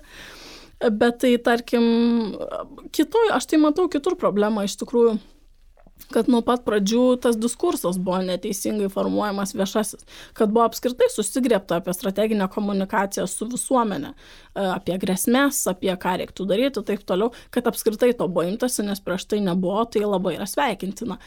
Bet mano nuomonė, tas buvo daroma klaidinga prielaida sugrėsminimo ir, nu, tiesiog neįmanoma fiziškai išlaikyti žmonių dėmesio ilgą laiką, nuolat jiems sakant, kad reikia didelės parengties, tuoj kažkas bus, čia pat, čia pat, vienu žodžiu, susijimkime, ar ne? Tai tokia vat mobilizacijos mentalitetas jis gerai veikia, kai iš tikrųjų yra krizė už kampo. Bet kai mes tokios tiesioginės grėsmės konkrečiai teritoriniai invazijai nematome, o vat, į, į tai yra orientuojamas diskursas, tai kažkaip ta visuomenė po truputėlį jau ir pradeda palaiduotis ir sukti tą žvilgsnį ir dėmesį kitur. Tai vad kaip tas, kaip tas įtakoja konvencinės ginkluotės stiprinimą jau mes matome tą klasikinį debatą iškylantį, kaip sakant, ar, ar duona, ar šautuvai. Tai ar, ar čia nereikėtų skirti mažiau negu 2 procentus, ar gal dviejų užtenka, o kaip mūsų sveikatos apsauga, socialinė apsauga ir taip toliau, biudžeto balansavimas. Tai, nu, čia tas senas kaip pasaulis debatas visose šalyse, bet kol mes neskiriam gynybai tiek daug pinigų, nu, nebuvo pas mus jo. Ar ne? Bet apie ką tada reiškia, manau, svarbu yra kalbėti ir kur tos problemos, nu, neišspręstos, ko, ko neužkabino šitas vajus atsibūdimo po Ukraininės. E, tai vienas dalykas yra pla, plačiojo saugumo koncepcija, kad reiškia tikrai saugum, saugumas iš tikrųjų tai ir yra ir švietimas, ir sveikatos apsauga, tai yra gyvenimo kokybė. Iš esmės visi žmonės tiesiog nori kokybiško gyvenimo uh, savo ir savo artimiesiams. Ir, ir, kaip sakant, įvairios jėgos, žmonės, frakcijos, uh, kurie sugeba įtikinti žmonės, kad jiems bus tai duota vienu ar kitu būdu, tai paprastai ir palenkia publiką, ar ne? Tai kas tai bus, ar populistai, ar prorusiškos jėgos, ar kažkokie nišiniai nauji žmonės, mes matome besiritančią bangą per Europą, kaip tas skirtingai paveikia kai kurias šalis Lenkiją, matome kaip pavyzdį Vengriją, Prancūzijoje, Vokietijoje šiek tiek kitokie padariniai, bet e, tas e, veikiantysis faktorius tas pats, kad žmonės nori to užtikrintumo ir ieško, kur jo rasti. Ne? Tai Lietuvoje mes kažkaip dar neatsigrėžėm į tai kad kas, koks šitas receptas galėtų būti ar ne. Nu ir tada kitas dalykas, kad e, irgi kiek tenka su darbu keliauti ir po Lietuvą, vad besidomint regioninėmis aktualijomis konkrečiai, kuo gyvena žmonės šalčininkuose, švenčionėse, Marijampoliai. Tiesiog, va tada tai aš tikrai važiuoju, kad pamatyčiau pati, ką tai reiškia žmonės, kur 30 procentų be, be kanalizacijos nuleidžiamos gyvena ir negali nusipirkti ten, nežinau, mėsos du kartus per savaitę. Tai tiesiog nu, mane tai labai nustebino gal, kai girdi kalbant apie atskirtį, bet tai nėra tai, kaip aš įsivaizdavau. Tai nėra ta kažkokia su, aš turiu omeny, kaip jaučia žmonės, ne, ne kokius mes matom faktus, bet ką, ką kalba, kai, kuo, kuo jie nugastauja. Tai nėra taip, kad kažkokie žmonės būtų likę už borto ir visa visuomenė jau nuplaukė ir jie čia, kaip sakant, pat pavieniui plūduriuoja. Faktiškai gal taip ir yra, bet jie patys ne, ne čia problemą didžiausiai identifikuoja. Dažniausiai jie identifikuoja beveik, nu, be išimties kokie mes esam lietuviai, kokie mes esam užsidarę ir šalti vieni kitiems. Ir gal didesnė problema yra ne pati ta atskirtis, o užsidarimas ir nejautrumas jai. Tai čia ta atskirtis kitaip. Ir man tai... Taip tariant, kad žmonės nejaučia bendruomeniškumo, taip, kad jie jaučiasi taip, vieniši. Taip, taip. Nes jeigu jūs, kad ir kitas gyvena panašiai taip, sunkiai, taip. jiem, jie jau. Aš manau, kad taip. Aha.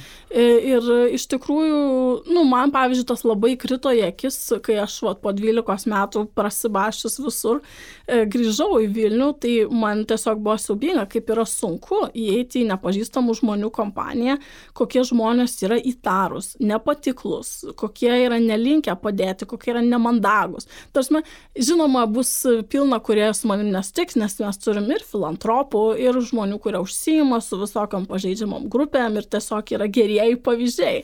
Bet tokių yra mažuma. Tai ką aš tada pajutau, vat, kokią pusę metų, tai tikrai man buvo integracijos procesas ir aš tą labai skaudžiai išgyvenau tuo metu, nes, nu, man atrodo, viešpatė, kaip čia dar visose šalyse kažkaip įsi, įsitinklinį, o čiagi, taigi, nu, gimtinė, tai teoriškai turėtų būti kaip ir geriau. Tai tikrai... Bet tu mokyklą baigiai Vilniui, čia taip, pat, bet taip, tu mo ir... mokyklai tu dar to nejausdavai. Ne, tai turbūt, kad aš, nu, net, net ten akcentai, vis tiek mhm. ta aplinka ta pati, daug maž, nu, ten nėra poreikio kažkokio. Tai. Nors nu, aišku, tos aplinkos irgi įvairios būna žmonių. Bet va ką noriu pasakyti, tai man tada atrodė, kad aš turbūt išvažiavau, o jie visi čia liko ir turbūt aš taip jaučiu, kad aš va, gal pripratus prie kokio australiško atvirumo ar amerikietiškų tų šypsenų, ar vidurio rytų svetingumo, ar ten kokių kitų kultūrų. Ir reiškia, nu tiesiog, va, man kontrastas, nes aš nesusivokiau. Bet aš pamačiau, kad tikrai visi žmonės taip pat jaučia ir galvoja, tik jie nieko nesako ir nieko nedaro. Tai man atrodo, čia tikrai toks, nu kaip, ir labai paprasta problema, bet ir labai gili iš tikrųjų. Aš e, tikrai kalbėjau paskui jau daug ir, ir, nu, ir iš, kaip sakyti, konceptualių pozicijų, kodėl taip galėtų būti.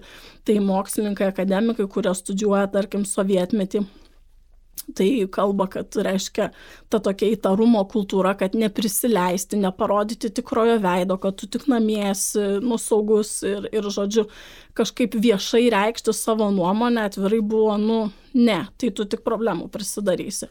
Bet tai ta karta, jau klausykit, kiek čia jau 45 metų iki 45 jau neturėtų to būti. Tada pasižiūri, aha, nu tai jau mes turėjom patyčių kultūros vajų, kad irgi reiškia, tik iššoks ir būtinai užmėtis tave akmenim. Nu gal bijo žmonės, ar ne? E, bet e, tai nebūtinai turėtų būti tas bendruomeniškumas susijęs su viešu kalbėjimu, tiesiog kažkokie, nežinau, maži gerumo aktai vieni kitiems. Bet uh, vat iš tikrųjų, nu, mane labai palėtė, kaip žmonėms visiems to trūksta. Atrodo daug labiau negu pašalpos, negu, negu ten kokio tai, nežinau, e, fondų paramos, negu, e, nežinau, dėmesio, tiesiog vat, kažkokio tokio atsidarimo vieni kitiems, pajutimo, kad, kad tu gali priliesti ir prisiliesti. Aš per savo per pirmasias e, komandiruotės, tokias keliones į sudėtingesnius tokius e, įvairias aplinkas įvykius, kaip pirmoji buvo tokia kaip Gruzijos konfliktas 2008 metais ir Rusijos veiksmai joje. Ir aš susidūrus labai įdomiu, įdomią situaciją, tiksliau patekau labai įdomią situaciją, kuri mane labai sudomino. Tuomet gal buvau dar per jaunas, tik baigęs mokyklą, bet man tai užsifiksavo. Tai mūsų buvo toks atvejis, kada aš su kolega žurnalistu važiavom netoli Šiaurės Osetijos sienos, jau buvo prasidėję visi veiksmai kariniai ir mūsų stabdė separatistai. Šiaurės Osetijos prorusiški ir, ir mus norėjo apvokti. Prasme, iš, iš, iš, išrikiavo prie automobilio ir pasirodė, kad mūsų automobilio vairuotojas, kuris buvo gruzinas, puikiai pažįsta tą vaikiną, kuris buvo ginkluotas, pasiruošęs jau, reiškia, viską paimti iš mūsų, ką, ką tik galima. Ir jie susibendravo, vienas kitą kažkaip atpažino ir mus paleido. Ir mane tada taip užstrigo, kaip tauta, sakykime, kaip tauta, sakykime, du žmonės, kurie gyvena vienas šalia kito, gali staiga susipriešinti vienas kitam. Vėliau tai stebėjau ten Dombase, kur irgi ten kolosalūs pavyzdžiai labai įdomus, kada, kada viena šalis staiga pradeda kovoti su kita, aišku, be abejo, nekalbu apie Rusijos kišimą ten. Ir du vaikinai, kurie galbūt galėtų susitikti ten futbolo kažkokiose rungtynėse, būti geriausi draugai, staiga pradeda neapkesti vienas kito mažą to, jie dar nori vienas kitą užmušti. Tai konkretizuojant turbūt klausimą ir pratesiant tavo mintis, kaip socialinė atskirtis, kaip patyčios mokykloje, kaip turbūt tautinė nesantaika, kaip žmogus teisų stoka tokia gali lemti ir pasitarnauti, sakykim, konflikto mesgimuisi. Nu, čia iš tikrųjų irgi gili tema ir e, manau, kad tai, apie ką aš kalbu, va, to bendruomeniškumo nebuvimas, tai iš tikrųjų dar yra nu, daug paprasčiau negu, negu va, ką tu sakai, ar ten žmogaus teisės, ar dar kažkas, tai yra daug asmeniškiau ir konkrečiau, ar ne? E, tai vad, kad to nėra, kai, kai žmonės jaučiasi įtarus, nepatiklus, nesusisieja su ar kaimynais ar kažkaip, e, tai tai ir juos daro pažeidžiamesnius išnaudojimui kažkokiam tai vat e, ir bet kaip sakant čia pa, pražingsniuokim pro kelis dalykus ar ne tai mes turim pažeidžiamą populiaciją kuri jaučia kažkokią stoką vat jie ne, neturi ar materialinio gėrio ar kažkokio ir taip pat jaučia nu aš pavadinčiau moralinę stoką to ryšio kažkokio su savo aplinka ar ne tada mes turime kažkokį, pavadinkime, faktorių dedamąjį, kuris siūlo išeitį. Tai e, gali būti, kaip minėjau, ar kažkokia tai populistinė jėga, ar iš vidaus atsiradusi, ar iš išorės paremta, ar ne. Nu ir tos išeitys, ar, ar populistinės, ar nu, kažkokios siūlomos išeitys, jos gali būti konstruktyvios arba destruktyvios. Ir paprastai yra identifikuojama, tai kas čia yra priežastis, tu jauti stoką ir jis tau pasakys, kodėl, ir jis tau pasakys, ką reikėtų daryti, kad nebejaustum, ar ne. Tai kur vat, mums, manau, grėsia didelės ir saugumo problemos ir ką mes istoriškai esame matę, kad kai ateina žmonės, kurie identifikuoja tam tikrą grupę, blondinai, žydai, tuciai, uh, nežinau, dar tikrai tų pavyzdžių netrūksta. Uh, vien žodžiu, sunitai, šyitai, uh, aukšti žmonės, nu, juodaodžiai, pagal kokį nori, bet kai tu identifikuoji grupę pagal kažkokį atskirtiną fizinį požymį, uh, kaip tą problemą, tai va tada, tada mes ir turime tą susipriešinimą, nes toką jaučia visi, ar ne? Ir vienintelis būdas didinti atsparumą, kad kai kas nors ateis ir pasakys, kad va čia dėl to, kad tie visi rudakiai, reiškia, čia sėdi, tai tu dėl to negauni pensijos, tai kad tu pažinotum tuos rudakius ir turėtum kažkokių tai asmeninių kontaktų ir būtum investavęs juos, sakytum, pala pala, čia gal ne viskas taip paprasta, ar ne? Tai žmonės, tai va čia, čia vienas dalykas, o kitas dalykas, tai, nu kaip be būtų liūdna, žmonės yra stebėtinai paveikus e, tiems masiniams dalykams ir mes turime, aišku, ir Stanfordo kalėjimo eksperimentus kartotus daug kartų, kad tiesiog grupinė psichologija šiek tiek kitaip veikia žmonės, atpalaiduoja kažkokius tai e, moralinius vertus, veikdami kaip grupė ir jausdami jos pritarimą. Ir jeigu yra kažkoks tai emociniu pagrindu labai paveikus lyderis, tai tą yra tiesiog lengviau sukurti, ar ne? Tai mes kol kas nieko nedarome, kad išvengtume tokios situacijos. Galbūt kažkiek galima kalbėti apie, nežinau, Tomaševskį, kuris, nu, daugumos, Lenk... nu, gerai, nedaugumos, tarkim, kokio 40 procentų Lenkų jį atmeta kaip karštą košį ir nepriimtina, galbūt kokia 30 procentų Lenkų jį palaiko nuoširdžiai tiki ten jo ir ar ne, o kiti tiesiog sako, nu ką, bet jis vienintelis kalba už mūsų interesus. Apie mūsų problemas. Taip, daugiau, daugiau niekas net nepripažįsta. Lietuviai, kaip bebūtų įdomu, dauguma sako, tai čia nėra jokių problemų Lenkam, taigi viskas čia gerai, ne? Tai mes turim tokių pavyzdžių, kad buvo jau pradėta kalbėti, kad gal pala pala, tai gal mes irgi jūs girdim, gal yra kažkokios iniciatyvos ten kaimuose gyvenančių, atokiau gyvenančių Lenkų, nežinau, pagalba jiems, kultūriniai projektai, ten spektakliai kokie nors, ar, ar integracijos dalykai, ar ne. Bet tai daugiau mes pavyzdžių, tarkime, su Lietuvos rusais, su žydais, su seksualinė mažumom, tai nu mažai turim. Ir tikrai galėčiau sakyti, mes sėdim ant parako statinės ir ta vat parako statinė ir yra moralinė stoka ir kad mes, nu, net nepripažįstam, kad yra, yra tų žmonių labai įvairių ir kad jie irgi yra verti Lietuvos piliečiai, ne tik tie šaunuoliai ant vyčio jojantys. Kad mes turbūt visi esame labai susiję ir turime, nežinau, stengtis vardan visų gerovės ir, ir, ir domėtis vieni kitais, pažindintis vieni kitais. Uh, rusofobija Lietuvoje, aišku, turi labai istorinės šaknis, neišaiškintas, neištransliuotas emocijas turbūt ir, ir taip pat prisideda prie to ir šiandieninės Rusijos, aišku, re, re, režimas. Kaip manai, ar, ar, ar rusofobija egzistuojanti Lietuvoje yra natūralus, natūralus tam tikras saugiklis ir atsargumas, ar, ar turbūt, ar, ar galimas pavojus, ir kaip, kaip turbūt, jeigu tai yra ir tai, ir tai kaip atrasti turbūt tą balansą. Uh, Nu čia vėlgi grįžtam prie to, kad e, lietuviams kažkaip yra sunku kalbėti e, kritiškai apie dalykus ir jeigu mes save kažkaip tai kritikuojam, tai reiškia duodam priešui rankas įrankį, pasirodom, kur mes esam silpni, ne? Tai kad yra daug įvairių istorinių jautrių klausimų neišspręstų, tiek ten, tarkim, nežinau, su bendradarbiavimu su rusų žinybomis sovietiniu periodu, tiek dabar, tiek, nu, ir, ir tas pats žydų klausimas. Ir nu, daug, daug iš tikrųjų yra tų skaudulių ir mes jų kažkaip tai patys nekrapštom, nes, nu tai negi čia dabar skelbsi viešai baltinius, ar ne? Ir netgi Lietuva lyginant tiek su Lenkija, su Latvija ir Estija, tiek lyginant galbūt su kitom šalim kaip Prancūzija ar Vokietija, nu nėra jinai tokia paveiki Rusijos tiem vadinamai saviškių politikai, nes tiesiog ir tie patys žmonės yra, taigi ir intelektualų, ir visuomenės veikėjų, ir jaunimo pakankamai susivokusio. E, ir tikrai neskuba niekas tenais jungtis prie Maskvos, ar ne? Bet vad lietuviai, jie kažkaip mažai žino apie rusų bendruomenės aktualijas, turbūt kadangi tie rusai vad įsibaiminę nelabai afišuojasi, jie negali identifikuoti, kad va mano šitas draugas, tai jis turbūt rusas ar, ar jo tėvai kokie rusai, ar ne?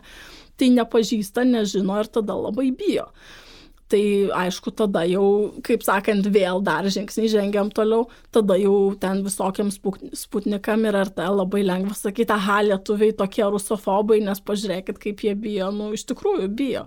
Tai aišku lazdą perlenkia rusiška žiniasklaida bet problema tikrai yra. Ir kai problema yra ir jos nesprendžiama ja pasinaudoti mobilizuoti pažeistiesiems yra ne taip jau sunku O kaip tu jauties prieš būsimus prezidento rinkimus? Atrodo, galbūt tai bus vienas iš tų lūžių, kada, atrodo, dabar su Grybauskaitės dviem kadencijom tam tikra tvarka nusistovėjo Lietuvoje. E, gali ją kritikuoti, gali ją mėgti, bet yra tam tikras stabilumas turbūt, ar ne? Ar tu matai taip, kaip tam galima grėsmę, kad iškils kažkoks kandidatas ir, ir turėsim daug, bet tos visuomenės grupės, kurios dabar jaučiasi neatstovamos, kad jomis gali būti pasinaudota per prezidento rinkimus jau kitais metais? Nu, aš galvoju, ką tu turi omeny, sakydamas, stabilumas nusistovėjo, nes man tai atrodo, kad čia vyksta, kaip sakant, purslai tai vieno skandalo, tai kito. Tai nežinau, jeigu tu turi omeny stabilumą, kad jo, kad yra mažumos kažkaip tai nu, nusisukta nuo jų, tai jau dabar yra kažkokios tai pastangos dedamos, gal tik nelabai gerai dar suvokiama, kas čia geriausiai padėtų. Ar ne? Tai, nu, nežinau, iš tikrųjų, aš, kaip minėjau, manau, kad Lietuvos tos mažumos yra dar pakankamai susivokę ir tų, kurie reguliariai žiūri prorusišką žiniasklaidą ir remia ten, ten įvardinamus naratyvus antivakarietiškus, tai jų tikrai nėra tiek daug. Tai gal juos pasiekti būtų labiau pabandyta. Aš nemanau, kad koks nors kandidatas išstotų e, antirusiškas, antilenkiškas, turiuomenį Lietuvos piliečio atžvilgių. E, man tai vis dabiškelį yra baisu, kad būtų per daug nacionalistiška, per daug jau tie vėliava mojuojantis ir, ir, kaip sakant, vos ne Lietuva lietuviams naratyvą eskaluojantis. Tai bet vėlgi aš tokio kraštutinumo tarp dabar įsivardinusių kandidatų lik ir nematau. Tai nežinau, aš tai turbūt kažkokio didelio lūžio labai nelaukiu iš prezidento rinkimų ir aš apskritai esu linkusi galvoti apie pokyčius kaip labai palaipsniškus ir kompleksinius. Tai reiškia, kad tu realų rezultatą iš įvairių iniciatyvų, kurios yra išbandomos, pamatai, nu po penkių, nu po dešimt metų. Ir da tu gali pasakyti, va šitas prisidėjo, šitas prisidėjo, bet turbūt nėra tokie labai jau vieno faktoriaus poveikis, ar tai politinės kultūros augimas būtų, ar mažumų integracija ar ten pagalba kaip tai skurstantiems, ar ne, tai nu, daug, daug visko. Tai nežinau net.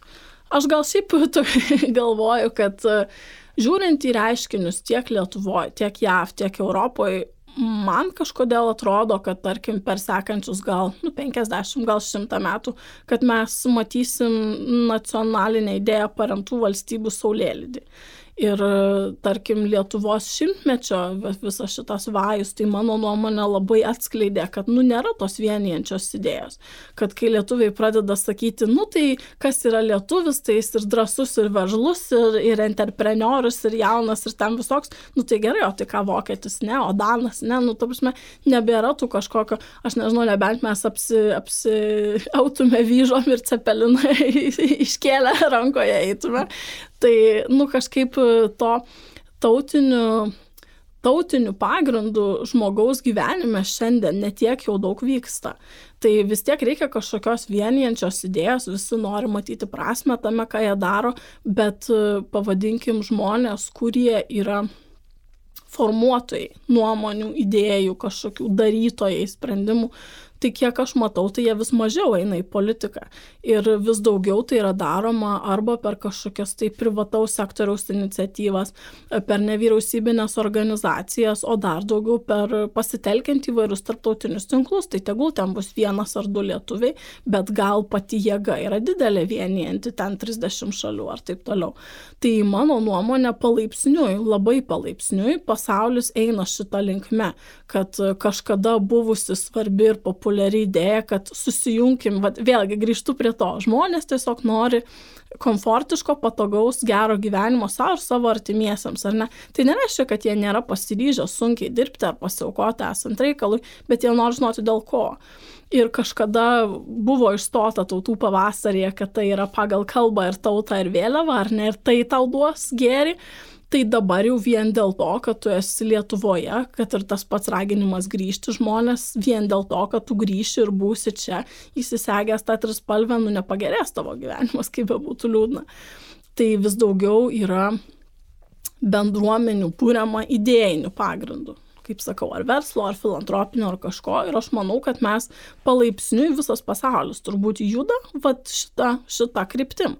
Tai bandymai kažkaip dirbtinai įsikabinti į šitą paveldą ir, ir kelti ir, ir eskaluoti, tai, nu, aš nemanau, kad tai yra konstruktyvu. Aš manau, kad e, tikrai jaučiamas yra va, tas idėjinis pasimetimas tiek Lietuvoje, tiek Europoje. Ir aš kaip minėjau, Lenkijoje tai išvirto labai jau nekokiu pavyzdžiu, Prancūzijoje, Vokietijoje gal šiek tiek teigiamiau, nu, Brexitas padarė savo UK, uh, Vengrija pa, pa, pamatė irgi savo kitokį galbūt veidą. Uh, Ir nu, tie reiškiniai, bevykstantis pasaulyje, žmonių judėjimai, idėjų kaita, globalizacija ir ji veikia visus, bet atsakymus randa žmonės skirtingus ir daug kas dėja griebėsi va to šiaudo pasiekiamo dabar. Užsidarykim, e, grįžkim į praeitį ir, ir, ir viskas vėl bus gerai. Nu, nebus gerai. Bet tu grįžai į Lietuvą. Kiek ta, tavo sprendime buvo tas patriotinis elementas? E, mažai, lėmė? turbūt, kad mažai. Aš nelaikau savas dėlę patriotę. Aš jokių būdų ne, neveikčiau prieš savo šalies interesus ir aš kiek galima stengiuosi padėti iš tikrųjų ir kviesti Lietuvos ekspertus į tas akademinės veiklas ar, ar, ar gynybinės, kuriuom aš užsiemu ir pasakoti vakarams apie situaciją Lietuvoje, kad jie geriau suvoktų, kokios čia pagalbos gali reikėti ir rašyti projektus, kurie būtų orientuoti būtent į darbą su Lietuvos visuomenė. Bet aš gal labiau tą identifikuoju kaip žmonės, apie kuriuos aš kažką žinau ir kuriems aš jaučiu, kad aš galbūt galiu kažką duoti. Tai nėra man asmeniškai kažkokia tai valstybės idėjos abstrakcija, ar ne? Tai aš tiesiog manau, kad vėlgi, jeigu pagalvotume kiekvienam, ta bendru, nu, šeima, bendruomenė, kaiminystė, regionas kažkoks, tai vis tiek yra identifikuojami asmenys kažkokie, ar ne? Ir galbūt idėja, ties kuria jūs vat, visi dirbate, ar ne? Tai kiekvienas žmogus turbūt daug turi tų idėjų ir sričių, ar ne? Savo darbą, savo hobius, savo šeimą, ten dar kažką. Ir jisai vienijasi prie tų skirtingų bendruomenių pagal skirtingus tuos interesus. Bet, na, aš manau, kad turbūt tikėtinesnis ateities sėkmės modelis yra galbūt kažkas panašaus, ką daroma prie Indonezijos dabar teritorinių vandenų, kad tiesiog bendruomenės gyvenančios tarptautinėse, reiškia, teritoriją ant polių, tiesiog vat, susivienyje pagal idėjas, negu, negu tos pačios Lenkijos ar Vengrijos modelis, mm. kur mes užsidarysim, nieko neįleisim ir, ir vat, būsim tokie faini visi už sienos.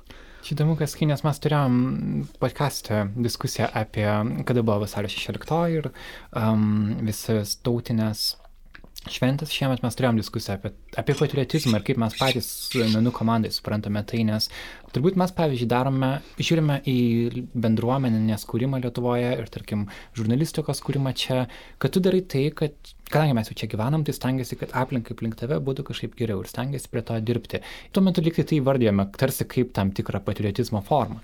E, tu darydama lyg ir tą patį, bet tu sakai, kad tu nesi patriotė, nes turbūt tu į tą žodį sudėdi kitokius, kitokias prasmes, nes šitas žodis yra labai jautrus, ar ne? Jeigu kas dabar, jeigu aš būčiau um, toksai žurnalistas, koks aš nenorėčiau būti, aš galėčiau parašyti, Eglė Murauskaitė, aš nesu patriotė ir aš gaučiau daug tave šmeižiančių komentarų. Kaip tu matai šitą žodį? Kaip, aš tik nedarysiu, kokią atveju.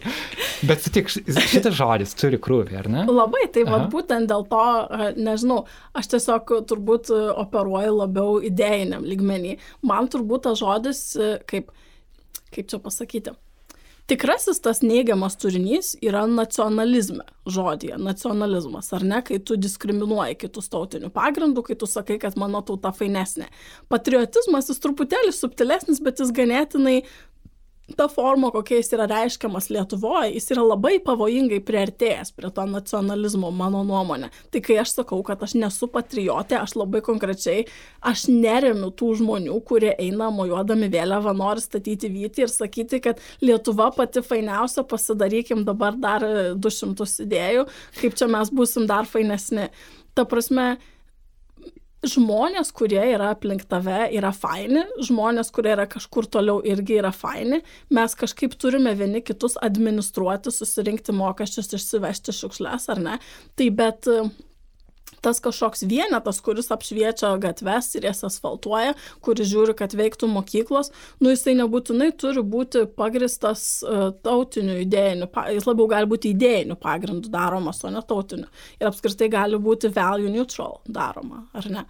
Tai tiesiog va aš tai turiu omenyje, kad aš nemanau, kad žmogui kaip asmenybei jo kelyje tarkim, daryti gerą, skleistis kaip asmenybei, atrasti save, e, prasmės ieškoti gyvenime, save realizuoti ir savo aplinką, gal kažką duoti pasauliui, aš nemanau, kad šiandien vėliavos prisisegimas va tam kontekste prideda kažką ypatingo. Aš manau, kad daug vertingesni žmonės yra pagal savo, nežinau, gebėjimą va kažką duoti ir daryti. Visai, visai pabaigai.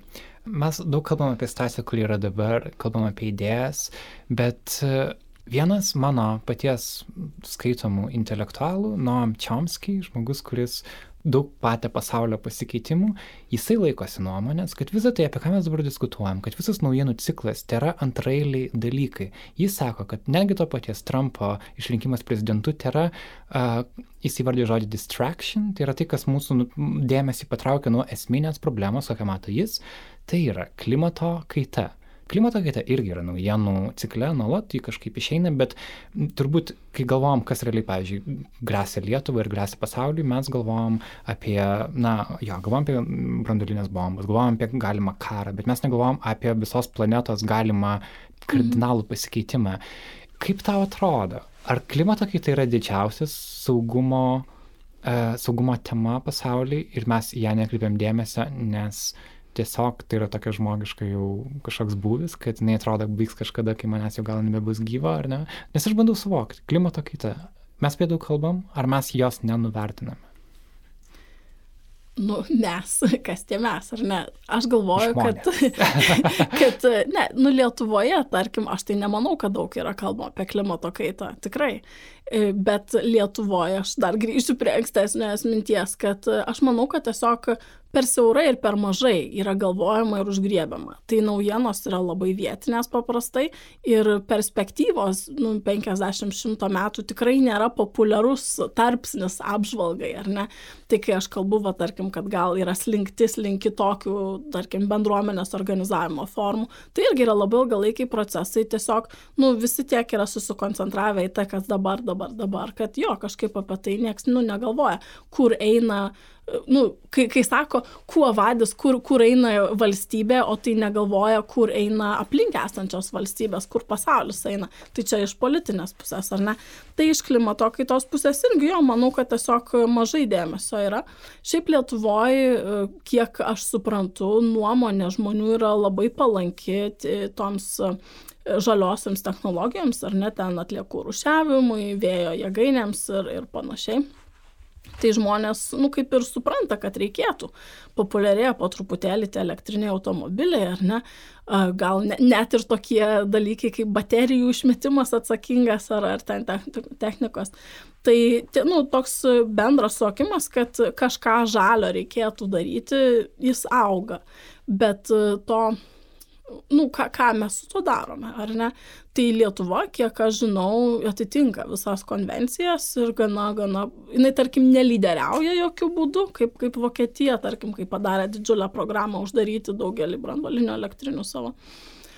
ir pereiti prie žaliosios energijos. Tai nelyderiauja, bet nu, ir neatsilieka, tarkim, neblogai visai tvarkosi. Bet pas mus gal nėra to tokio katastrofizavimo, ar ne, kaip čia viską užlies, kur čia reikėtų statyti slėptuvę, kaip čia maistą kaupti, ten, kai bitės išmirs, kur čia reikėtų apdulkinti žiedus iš naujo, kad duonos galėtume išsikepti. Nu, va, tų tokių radikalių scenarių nelabai pas mus yra aptariama. Aš kažkaip nemanau, kad tai yra blogai. Kaip ir su saugumu, aš manau, kad sugrėsminti situaciją nėra veiksminga, nes, nu, negali žmonių dėmesio ilgai tam išlaikyti. Tai tarkim, klimatininkai pasaulyje, tai, nu, jie irgi ilgą laiką tokie buvo laikomi alarmistai, nes, nu, tai aišku, Amerikoje dar pilna yra žmonių, kurie apskritai neigia, kad klimato kaita yra dalykas, įskaitant ir prezidentą, kuris sėkmingai pasitraukė iš susitarimo taip pat. Tai yra ta problema, kad dėmesio nelabai užtenka, neatsakingai yra automobilių, e, automobiliai yra gaminami su e, gamtai nedraugišku kūro naudojimo mechanizmu ir daugelis šalių to neriboja. Ar ne, industrijos standartai galbūt nėra taip keičiami gamyklų įvairių, lėktuvų e, kūro išmetimo taip pat nėra reguliuojama efektyviai. Tai mes daug galėtume privardinti priemonių. Aš manau, kad ta klimato problema, jinai tik tai artėja ir kad mes visiškai nesame nei pasiruošę apie tai kalbėti Lietuvoje, tai tikrai nėra niekur, nei Seimo dienotvarkėje, nei kokiu nors ministerijų, nei nieko aplinkos ministerijų, nežinau net ar yra. Bet ir pasauliniu mastu yra pasiruošta. Nu, kaip pasiruošta, tai ta prasme yra kalbama, yra imamasi priemonių, priemonių imamasi mažai, nėra kritinės masės, nėra didelio palaikymo iš Kinijos ir Rusijos, ar ne? Tai, nu, iš jav, aišku, irgi tai kažkokių didesnių, didesnių veiksmų iš tikrųjų reikėtų. E, aišku, mes matėme toje pačioje Afrikoje e, konfliktus dėl vandens resursų, mes galime pamatyti, kadangi lietuviai vis gražiuosi į Rusiją, kad tarpsta Antarktės vandenį tenais lytims, kad atsiveria nauji keliai. E, Rusijai reiškia pasiekti JAV, kas buvo laivybai nepraeinama anksčiau, dabar jau darosi ir greitai bus praeinama teritorijos gali pasikeisti, gali, ta prasme, jeigu apsems kažkurias dalis. Tai tokių geopolitinių implikacijų irgi yra nemažai tai šalis ten kitos aktyviau gal šiek tiek to domisi Danija, pavyzdžiui, gana aktyviai imasi, imasi priemonių. Bet e, šiaip iš tikrųjų dėmesio tam nėra labai daug ir simulacijose, tarkime, kurias kuriuo aš, tai irgi yra analizuojamos e, labiau trumpesnio laikotarpio problemos. Nėra tekę daryti nei vienos su klimato kaita, nors apie tai yra kalbama ir problemos aštrėjimas yra suvokiamas.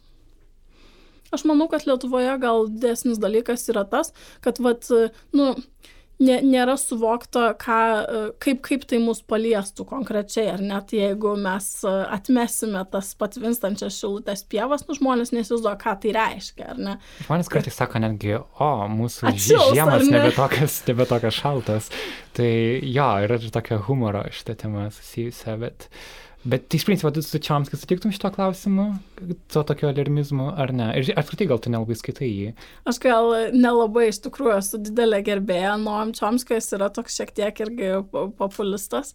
Man, mane kažką labai palinksmino, kai jis dar sen, nes jis jau rašo, aš nežinau, gal 50 metų, jeigu nedaug. Ar ne 89? Ne, ne, aš turiu omeny, kiek jis laiko rašo. Taip, taip, taip. Tai jis, nu, labai seniai jau tikrai taip. ten rašo ir apie viską, nuo ekonomikos iki politikos, iki ką. Ir aš atsimenu, kažkada buvo toks laikas, kai jisai ir, ir rašydavo irgi, kokios partijos iškils, ten, nu, forecastus darydavo elementariai. Apie partijas, apie e, įmonės, kaip ten seksis sektoriai kažkokie. Ir buvo kažkoks universitetas, ar ne Kembridžo, kuris turi, čia buvo ta garsioji Noam Chims Kaminski turėjo tą, reiškia, šimpanzę, kur mėtė, reiškia, dartus į, į, į, į laikraštį su, su akcijų e, pavadinimais ir kad, reiškia, e, bendras e, tos šimpanzės, reiškia, atsitiktinai primėtytų dartų, kokie yra rezultatai, kaip tai paveiks rinką, mažai skyrėsi nuo to, ką Čomskis prognozavo. Tai va tas Čimski, Čomski, man kažkaip irgi toks linksmas refreinas. Tai ne, jisai be abejonės yra teisus, kad klimato kaita yra baisus dalykas didelis, bet aš gal nesutikčiau su jo tokiu vėl, nu, diskurso supaprastinimu ir monopolizavimu, kad tai yra vienintelis svarbus dalykas, kad tai yra svarbiausias dalykas, kad visa kita yra tik distrakcija. E, apskritai, tai taip, naujienų trumpalaikiai ciklai yra distrakcija, e, žmogaus dėmesys ne, nu, yra ribotas ir jeigu tu ištisai kalbė apie kažką, reiškia nekalbė apie kažką kitą. Bet aš gal nesuvešiu taip visko į vieną. Aš manau, kad, nu, jeigu jau mes kalbam apie žmonijos ateitį kaip tokios, tai nu yra ir daugiau tų faktorių vat būtent kaip mes organizuojam savo gyvenimą ką tai reikš būti šeimoje bendruomenėje už penkiasdešim už šimto metų kokios, nežinau, iš ko žmonės gyvena, tai reiškia, ką jie dirba, ar ne, kaip yra organizuojama socialinės stratifikacija, tarkim, viršus apačia, kaip yra rūpinamasi. Tai aš manau, kad tai yra niekiek nemažiau svarbios problemos ir, e, kaip sakant, tų žmonių ant žemės daugėja, tai jeigu mes pasemsim žemės plotelį, tai jeigu mes ir jos sumažės, ar ne, tai jeigu tie žmonės niekaip nebus pasidarę vienas kitam labiau supratingi, linkę padėti, tai tos problemos tik paaštrės. Jo, bus apie ką pagalvoti. Ačiū, Eglė. Ačiū, Karoli. Gerai, labai smagu, kad tu užduodi įdomius klausimus, nes tikrai mūsų ir žiniasklaidos, ir bendras informacinis fonas toks, nu, tarkim, yra kažkokia linija, yra temos, kurios dažnai keliamos ir tokių vat, naujų kažkokių retai kada ypatingai tarptautinių. Tai tiesiog smagu ir tikiuosi, gal kas nors susidomės ir pasidomės daugiau. Kurios irgi. Ačiū ir turi, kad prisijungė. Ačiū labai. Smagią popietę, įdomią, turiningą. jo, iki.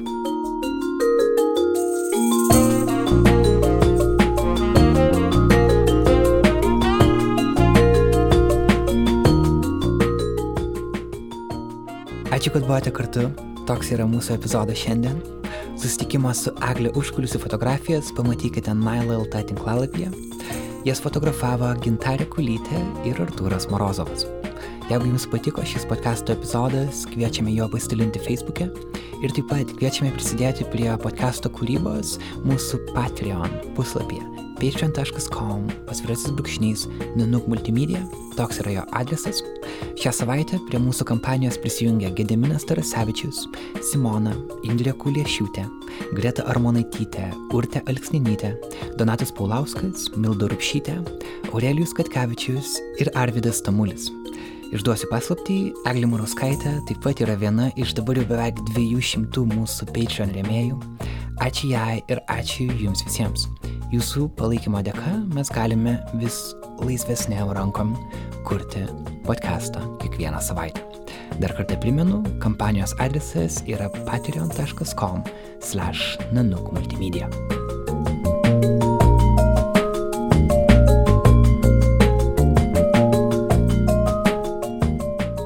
Viena trumpa žinia, mums kainavusi daug darbo valandų, bet ir daug džiaugsmo pagaliau tai padarius. Šią savaitę startavo Nanuk naujienlaiškis. Jame dalinamės podcast'o epizodais ir Nanuk multimedijos istorijomis. Toks miksas tarp naujos mūsų medžiagos ir tarp ankstesnių, galbūt dar jūsų netrastų istorijų. Jeigu jums įdomi tokia ilga, gili žurnalistika, kviečiame užsiprenumeruoti. Adresas yra nanukelte pasvirasis brūkšnys subscribe arba tiesiog raskite prenumeratos lukelį nanukelte tinklalapyje. Šio epizodo garsą įrašinėjo Kata Bitoft, o muziką kūrė Martinas Gailius. Epizodą montavau aš Karolis Višniauskas. Už įrašų studiją dėkojame mūsų partneriams nacionaliniai Martino Mašvido bibliotekai. Nailo podcastą kūrė multimedijų agentūra Nanuk Vilniuje. Sustikime kitą antradienį. Iki.